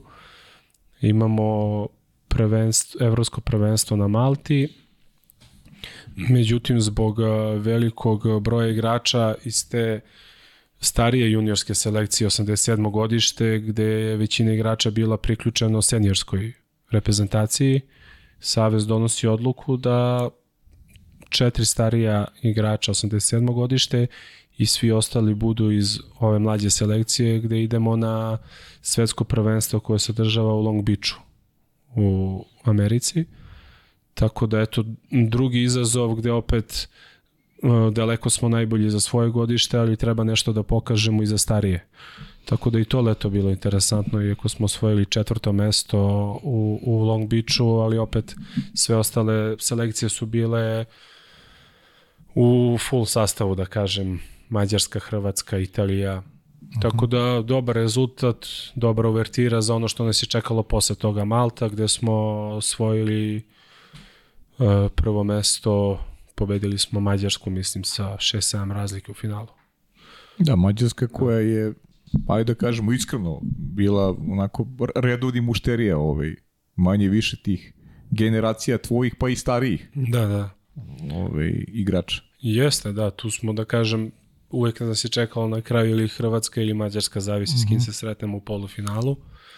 Tako da, tako se završilo to leto. Sledeće leto smo imali isto sa koletom uh, Evropsko prvenstvo Istanbul.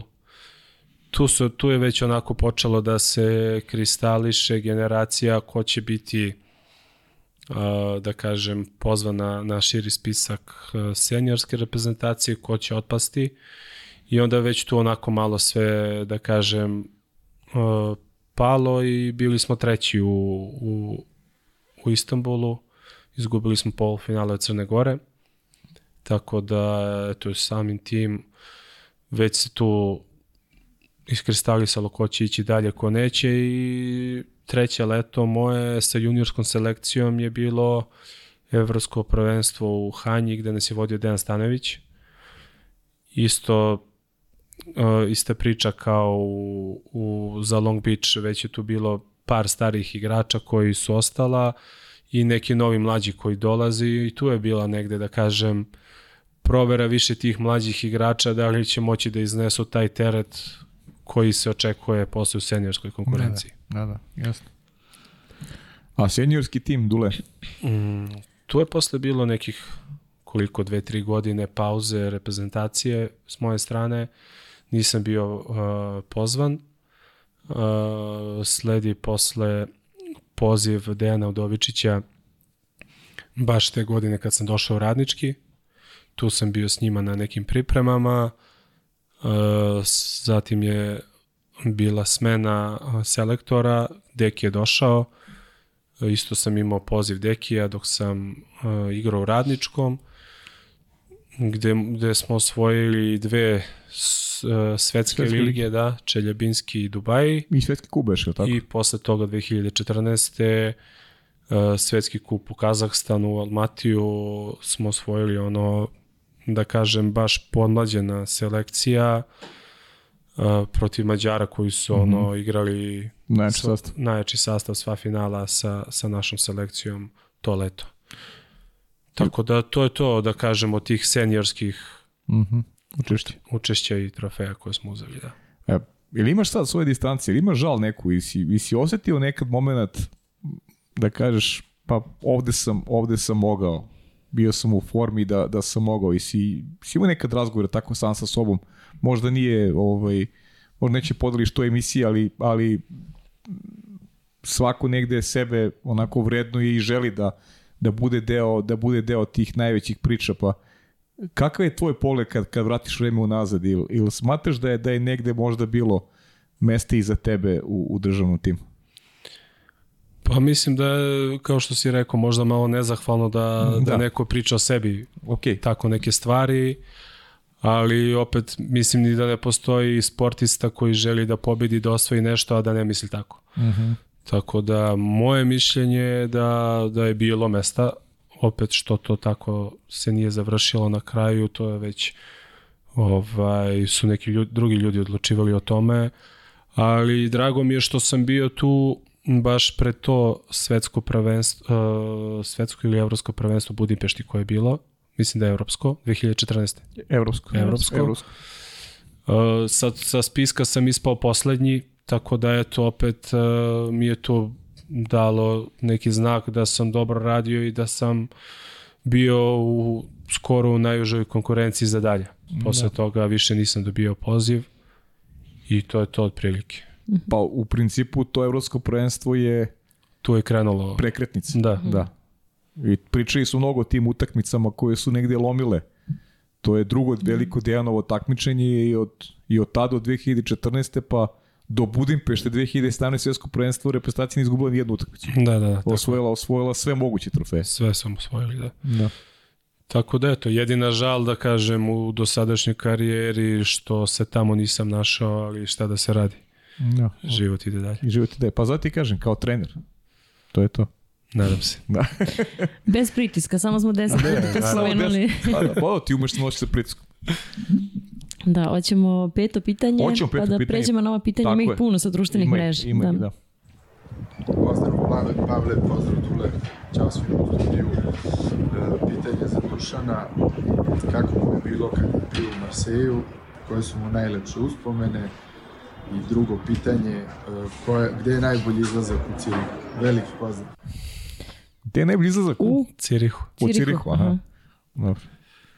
E, prvo pitanje, stvarno, kao što sam rekao, dve sjajne godine u Marseju i da stavimo waterpolo po strani, stvarno smo se mnogo družili a, van tog bazena, svi smo bili tamo, većina nas u stvari sa porodicama, kućna druženja porodična, išli smo svuda koliko nam je vreme dozvolilo da, da malo putujemo isto po Francuskoj, tako da stvarno sjajna, sjajan deo karijere. A, što se tiče ovog drugog pitanja, najbolji izlazak u Cirihu, to smo imali neku pauzu od nekih utakmica i pošto ja imam tamo neku rodbinu po Švajcarskoj, pa smo se dogovorili Igor i ja, Igorova supruga naravno, da, da posetimo malo Švajcarsku i tako smo išli od kafane do kafane tamo sa našim ljudima, sjajno veče, tako da ne bih mogao da, da izdvojim neko mesto posebno jer uh -huh. smo obišli mnogo mesta, bilo je super. Dobro, da. Iskusan čovek što se tiče kafana širom Evrope. Pa dobro, ajki, ajde. Da, To je u redu. da. Um, hoćemo... Ajde, pitaj, možeš ti ovaj, da. kreneš svojim svojima, ja ću malo Aleksandrina, neke smo već prošli, neka neću da... Ovaj, Da, ja sam malo Pitam. prošla već kroz njih da ne bismo ovaj, ponavljali. Samo trenutak, ja se izvinjam. Uh, čekaj, ovo sa Instagrama ćemo morati malo da biramo, smo to rekli. Ne, ne moraš da biraš, mislim, idemo. Da, kako Ne se bi- seća priprema u Orahovcu?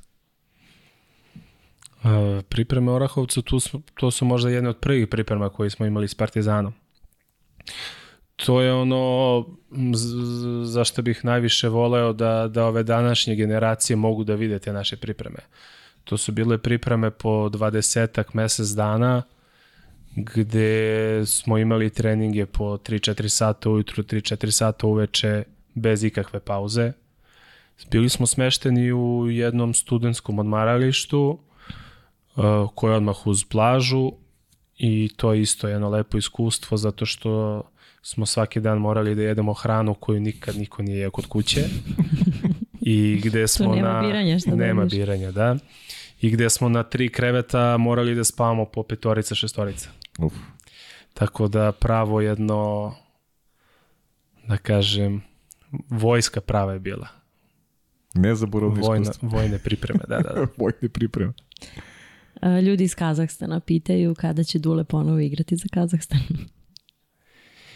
Pa postoji, postoji neka mogućnost da, da igram ovo leto za njih.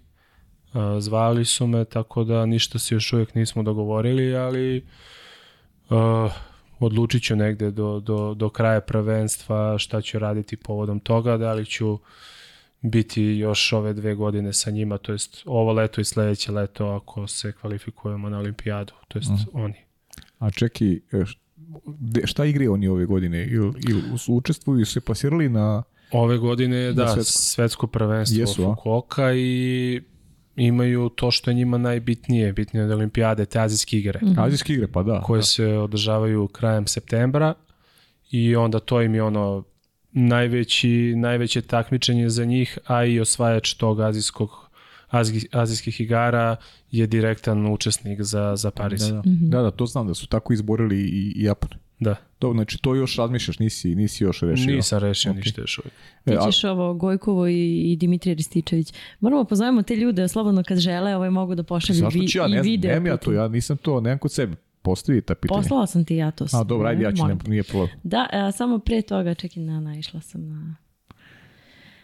E, pošto je poznat po najboljoj asistenciji, pitanje za njega kome je dao najviše prošle sezone. I od saigrača. Pa da, Pa Jogiju. Jogi, Mhm. mm Mislim Jogiju. Da. Aleksandar naš Milošević, drago, on uvijek izdvoji neka, neka i zanimljiva pitanja, pa e, pitate ovaj, da li je tačno da si završio master iz marketinga, menadžmenta i ekonomije i pita zašto je odlučio baš za ovu oblast, da li je možda mama krivac za, za to, pošto je ona računovođa u porodičnoj firmi. Da. Pa nisam završio još uvek, ali planiram da, da to završim i da završim taj da li fakultet, da li neku višu školu, trenersku, eto to su neki planovi za, Uh -huh. za ovo vreme dok, dok, još, dok sam još uvek aktivan igrač. Uh -huh.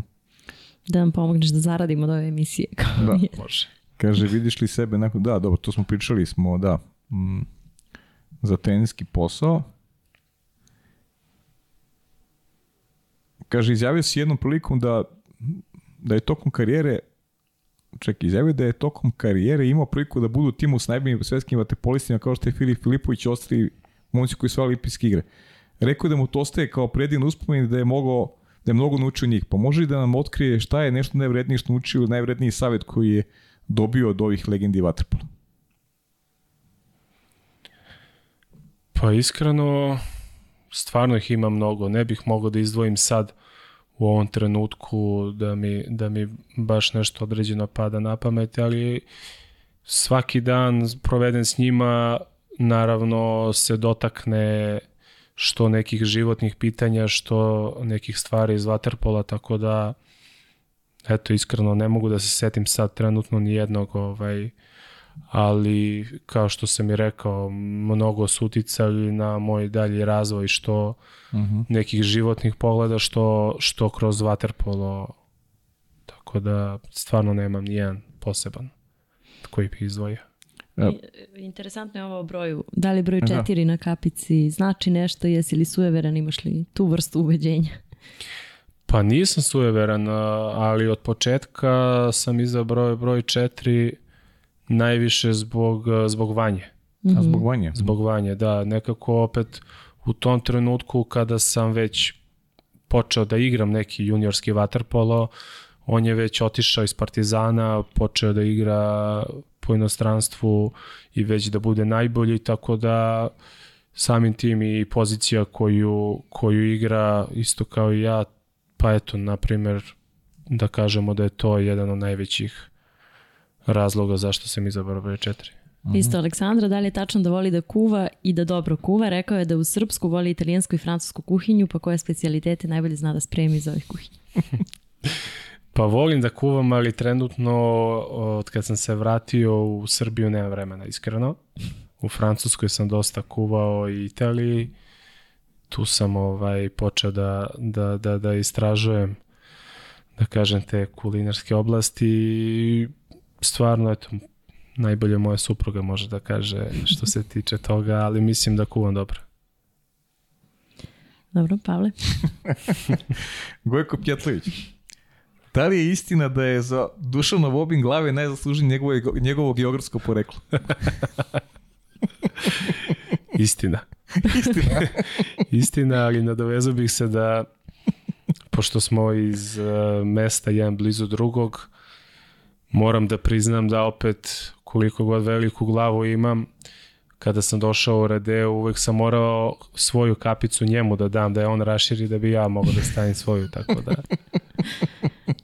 jedini čovjek. Do, Dul, Dimitri Stičić, to ono što nije htio Aleksandar da, ovaj, da pročita. Kaže, veliki pozdrav za sve u studiju. Pitanje za vašeg uvaženog gosta, zašto ga zovu Dule Fočak?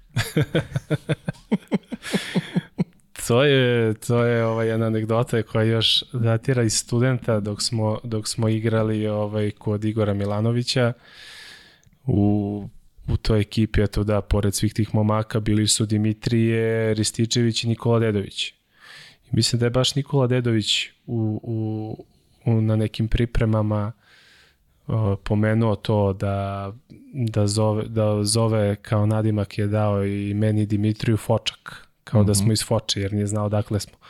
I onda nas trojica kad god se sretnemo ili čujemo, zovemo se Fočak, tako da ovo, eto, to datira E, odatle. da pozovemo ove, ove ljude koji su i dalje aktivni u Waterpolu da nam slobodno šalju video pitanje, iako ih mi direktno ne kontaktiramo. Tako ne je, moraju da nam kogod. pišu na društvenim e, a mrežama. Stvarno, da, stvarno. ko- Da, ne, ljudi- mora, ovaj, ne morate čekati da vas Pavle pozove. Mi onako i onako ovaj nekad, ja nekad ne želim ni da smaram ljudi, Da, mnogo da, da, ih, da. na mnogo ih Jer eksploatišem. sad se stvarno javilo dosta tvojih e, ili bivših ili sadašnjih saigrača, mogli su da se jave video putem slobodno da ih malo vidimo. Možda Znaš, je ima- sramota. Da, ima Da, nekih da. ljudi koji su ono angažovani, recimo Boris Vapenski, pa da, kaže, ne može proći podcast ako ja ne postavim pitanje, pa ne može. I Pa tako. dobro, i kolega Rađen isto nam je Da, često pa dobro, tu, on je, ali ja njega, da. njega, njega i ne računam. njega i ne računam. Kolega. Kolega, da. Kolega. Ima još nekih pitanja ovaj, koje su, kaže, koja je Aleksandrina, ona je neku, neku rubriku u svoju ovaj, ovaj, uspostavila, ne stižemo nekada postavimo neka pitanja, ali ima zanimljivi. Kaže, najluđa stvar koju ste uradili u životu, da li privatno ili profesionalno? Pa ne znam, iskreno možda to što sam, gde god da sam igrao, bio sam spreman da, čak i u Kazahstanu kad sam igrao, da dođem kući na jedan dan. Mhm. Putujem 18 sati, budem kod kuće jedan dan, isto toliko se vratim nazad. Eto, Toliko to, je ta potreba u stvari, Da, da, samo vidiš da li sve u redu. Da, toliko, to su mi uvijek, se, ono, divili su mi se kao, kako možeš, zašto? Mhm. Zbog 15 sati da negde budeš, da putuješ ono dva To dana. je značajnih 15 Bravo, sati. da. Da, da, da. to je, to je, možda to. Mhm. E, imaš li neke rituale pred utakmicu ili svaki trening ili šta god? Nemam, nisam nešto ni Mhm. sujeveran, a i jednostavno sve to ušlo onako što radim i pred svaki trening i pred svaku utakmicu isključim se nekih par Mhm. sati pred utakmicu gde se pripremam šta sve može da, da mi se desi na utakmici i eto, to je jedno možda jedino. Najveseliji dan u privatnom životu i u poslovnom životu. Najveseliji dan, pa u privatnom životu rođenje sina naravno, a u poslovnom, sportskom, pa jedan od trofeja, ne znam, možda taj je to Len Kup iz, iz Kragujevca s obzirom da prvi značajan trofej koji sam osvojio. Mhm, mhm. A najveći neko razočarenje ili najteži poraz? Pa poraz sigurno je to, to finale Lige šampiona od Barcelonete, Da. a razočarenje ispadanjem iz uh, tih reprezentativnih akcija, da kažem. Mhm. Neki drugi sport koji voliš da pratiš što smo već prošli, dva ali prošli. hobi. Imaš li neki hobi? Van Hobi, sport. Jedno piće. Jedno piće. Na kraju se piće. sve završi na jednom piću. Na jedno Da. piće. A imaš neku, neku najlepšu uspomenu iz detinjstva? Iz detinjstva? Pa nemam, iskreno uh, kao, kao član par, Partizanove te škole dosta smo, dosta smo putovali, proputovali smo ceo svet, što na pripreme, turnire i tako te stvari, tako da eto, stvarno mi je svaki, svaki turnir, svako putovanje sa tom mojom generacijom bio ne bih mogao da izdvojim nijedan sad nešto posebno. Možda putovanje u Australiju, eto. Aha. I tamo smo stigli s Partizanom da odemo, tako da imali smo sjajnu ekipu, podsjeća me malo na tu u Kragujevcu koja me posle sačekala, družili smo se mnogo, non stop smo provodili vreme zajedno, tako da eto, da kažem, to neko odrastanje s njima mi ostaje kao najlepša stvar iz detinjstva. Šta pamtiš iz putovanja u Australiju? Pa iskreno ništa, ništa ove sad nešto što bi mogao da izdvojim, zato što smo bili tamo nekih dve nedelje i zbog broja naših ljudi koji tamo žive Da. i koji se svaki put oduševe i posvete nama kad dođemo tamo, svaki dan smo išli na neka druga mesta, druge organizacije, stvarno sjajni ljudi koji uvek čekaju neko, neke naše sportiste da ugoste tamo. Sjajno, Da. Jeste, srpska zajednica je tamo baš... baš jaka. Da. Da, da. Smo prošli sve bitno. Dule, ili ima nešto da te nismo pitali, a, a ti bi volao da istakneš ovaj, u, u ovom svom prvom gostovanju u podcastu pod kapicom? Pa eto, iskreno mislim da smo se dotakli svih tema koje, koje, koje su interesantne tvojim gostima da čuju, tako da Uvek nekako završimo porodicom i spomenuo si već kolika su ti podrška bili u smislu e, tvoji roditelji i brat, koliko danas e, njih nekako osjećaš eto kao, kao bazu svega i koliko ti je bitno danas da skokneš do njih makar na ručak i da se vratiš. Pa da, porodica nekako je tako sam i vaspitavan i jednostavno da je to stup svega i bez te podrške da sumnjam da nešto može da se napravi u životu. Što na poslovnom planu, što na nekom drugom. Tako da eto, trudim se i svoju porodicu danas da, da da im isto sve to predočim, da to tako treba da izgleda i mislim da uspevam u tome, tako da eto, zadovoljan sam stvarno i podrškom i roditelja i svoje porodice, tako da sjajna stvar koju bih poželeo svakom čoveku da, da, da ima podršku svoje porodice šta god da radi. Da. Koliko si nima godina? Koliko? Sin ima godina. Sad će pet u februar. Da. Veliki dečko. Jel već Veliki kreće dečko. nekim sportskim putem ili ne? Pa imam u planu da, da ga stavim na judo i na, na plivanje nekih godinu dana, Mhm. sad od proleća, da to bude, da kažem, neka obaveza što zbog motorike, što zbog vode, pa na posle tamo pred školu da ima obavezu da sam izabere sport kojim želi da se bavi. Da, lepo. Eto i tako i tebe, tvoj tvoj tata koji nažalost više, više nije sa nama, ali on je bio onako prava podrška tebi u tim nekim ovaj nekim danima tvog odrastanja i uticao ovaj presudno na na izbor nekih sporta, pa eto i ti ovaj da budeš uzor svom sinu, pa nadam se da će on da krene nekim tatinim stopom. Nadamo se to. Da. Dule, hvala ti puno na ovom, na ovom divnom razgovoru. E, želimo ti da sa Zvezdom ispuniš sve neke sportske ciljeve.